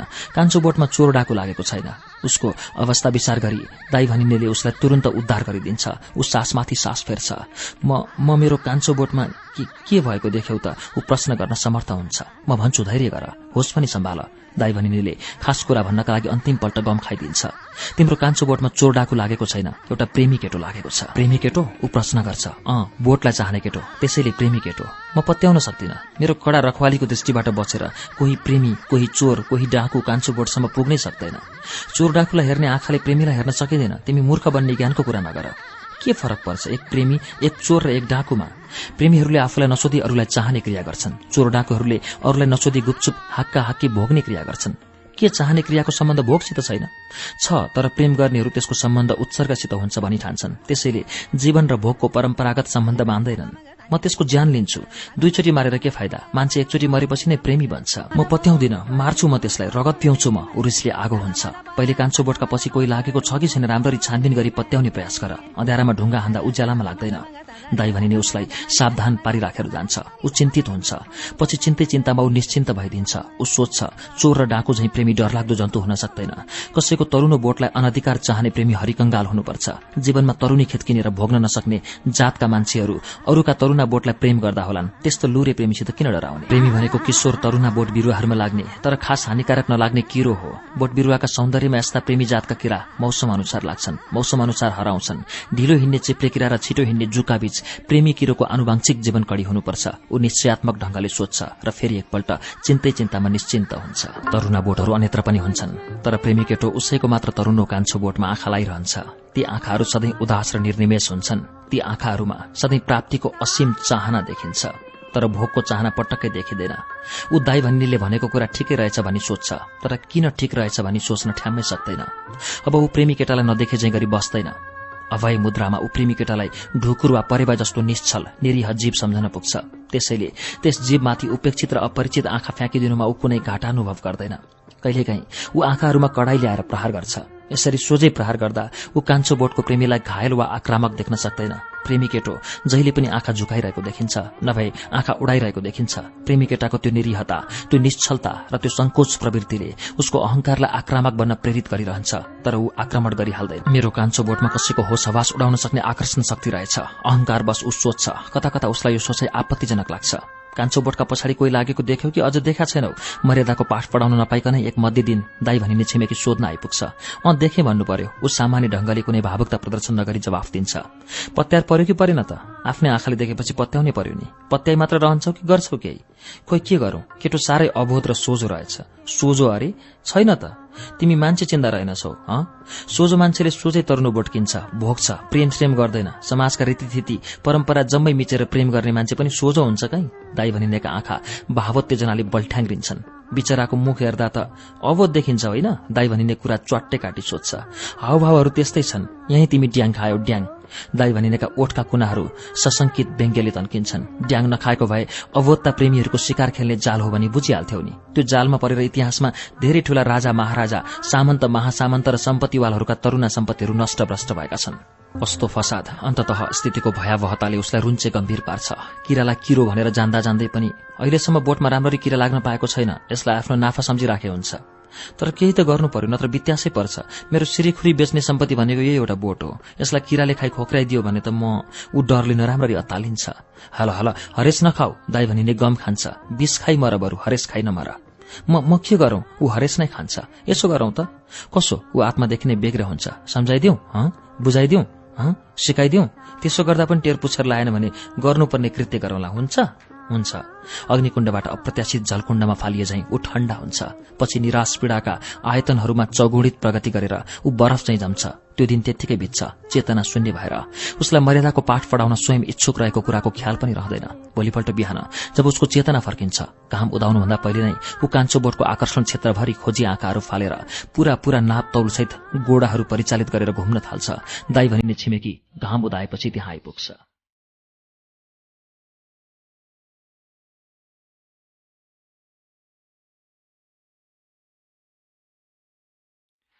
खोइ त केटो खोइ खोइ ऊ प्रश्न सुनेर होइन। प्रेमी केटालाई देख्न नसकेर झर्किन्छ।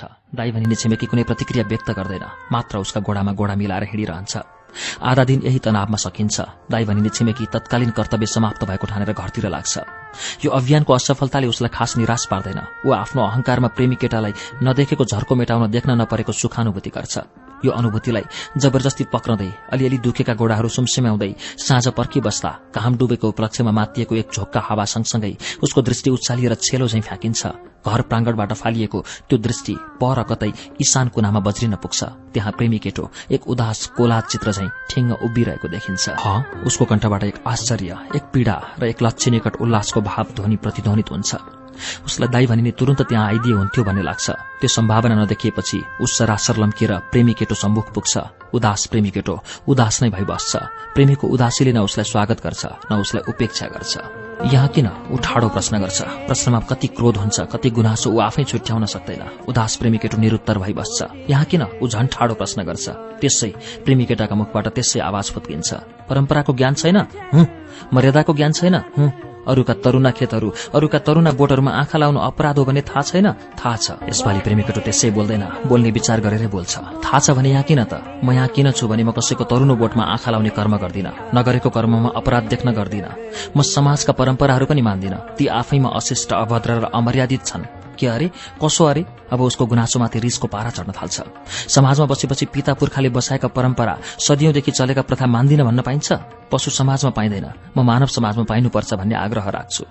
म अरू कुरा जान्दिन। अब उपरान्त यहाँ नाकमुख देख्न नपरोस्। सबैका घरमा तरुणा खेत हुन्छन्। सबैका घरमा तरुणा बोट हुन्छन्। सबैलाई इज्जत प्यारो हुन्छ। म कसैका घरमा तरुणी खेत र तरुणी बोट हुन्छ भन्ने कुरामा विश्वास गर्दिन। के अरे? म तरुणी खेत तरुणी बोट भन्ने कुरामा विश्वास गर्दिन। किन नगर्ने? त्यो सामन्ती अर्ध सामन्ती र नवसामन्ती विश्वास हो। त्यो पुरुषहरूको परम्परागत भोग विश्वास हो। म त्यो विश्वासमा विश्वास गर्दिन। के विश्वासमा विश्वास गर्छौ त? म प्रेममा बाँच्छु। समतामा विश्वास गर्छु। कस्तो समता? तरुणी खेत नठान्ने तरुणी बोट नठान्ने खरिद बिक्री नगर्ने समता। त्यस्ता विश्वासले पनि जीवन चल्छ दुनियाँ चल्छ। ती नामर्द विश्वास हुन्। हामी तिनलाई चिन्दैनौ। थाहा छ मलाई त्यसैले म उदास छु दुखी छु पीड़ित छु र सधैँभरिका लागि प्रतीक्षारत छु। एक प्रेमीले गर्न सक्ने सबभन्दा ठूलो क्रान्ति प्रतीक्षा नै हो। उसले आफ्नो निष्कर्ष सुनाउँछ। तब कुरै खत्तम। तिमी जान सक्छौ। कुरा भर्खरै शुरू भएको छ प्रेमी भन्छ। तपाईँ भोग परम्पराको प्रतिनिधि म अभोग प्रेम प्रतिनिधि। कुरा भर्खरै शुरू भएको छ हामी जीवनका दुई विपरीत मूल्य हौ। त्यस्तो मूल्यको के काम? जसले एउटा तरुणी खेत किन्ने सामर्थ्य पनि राख्दैन।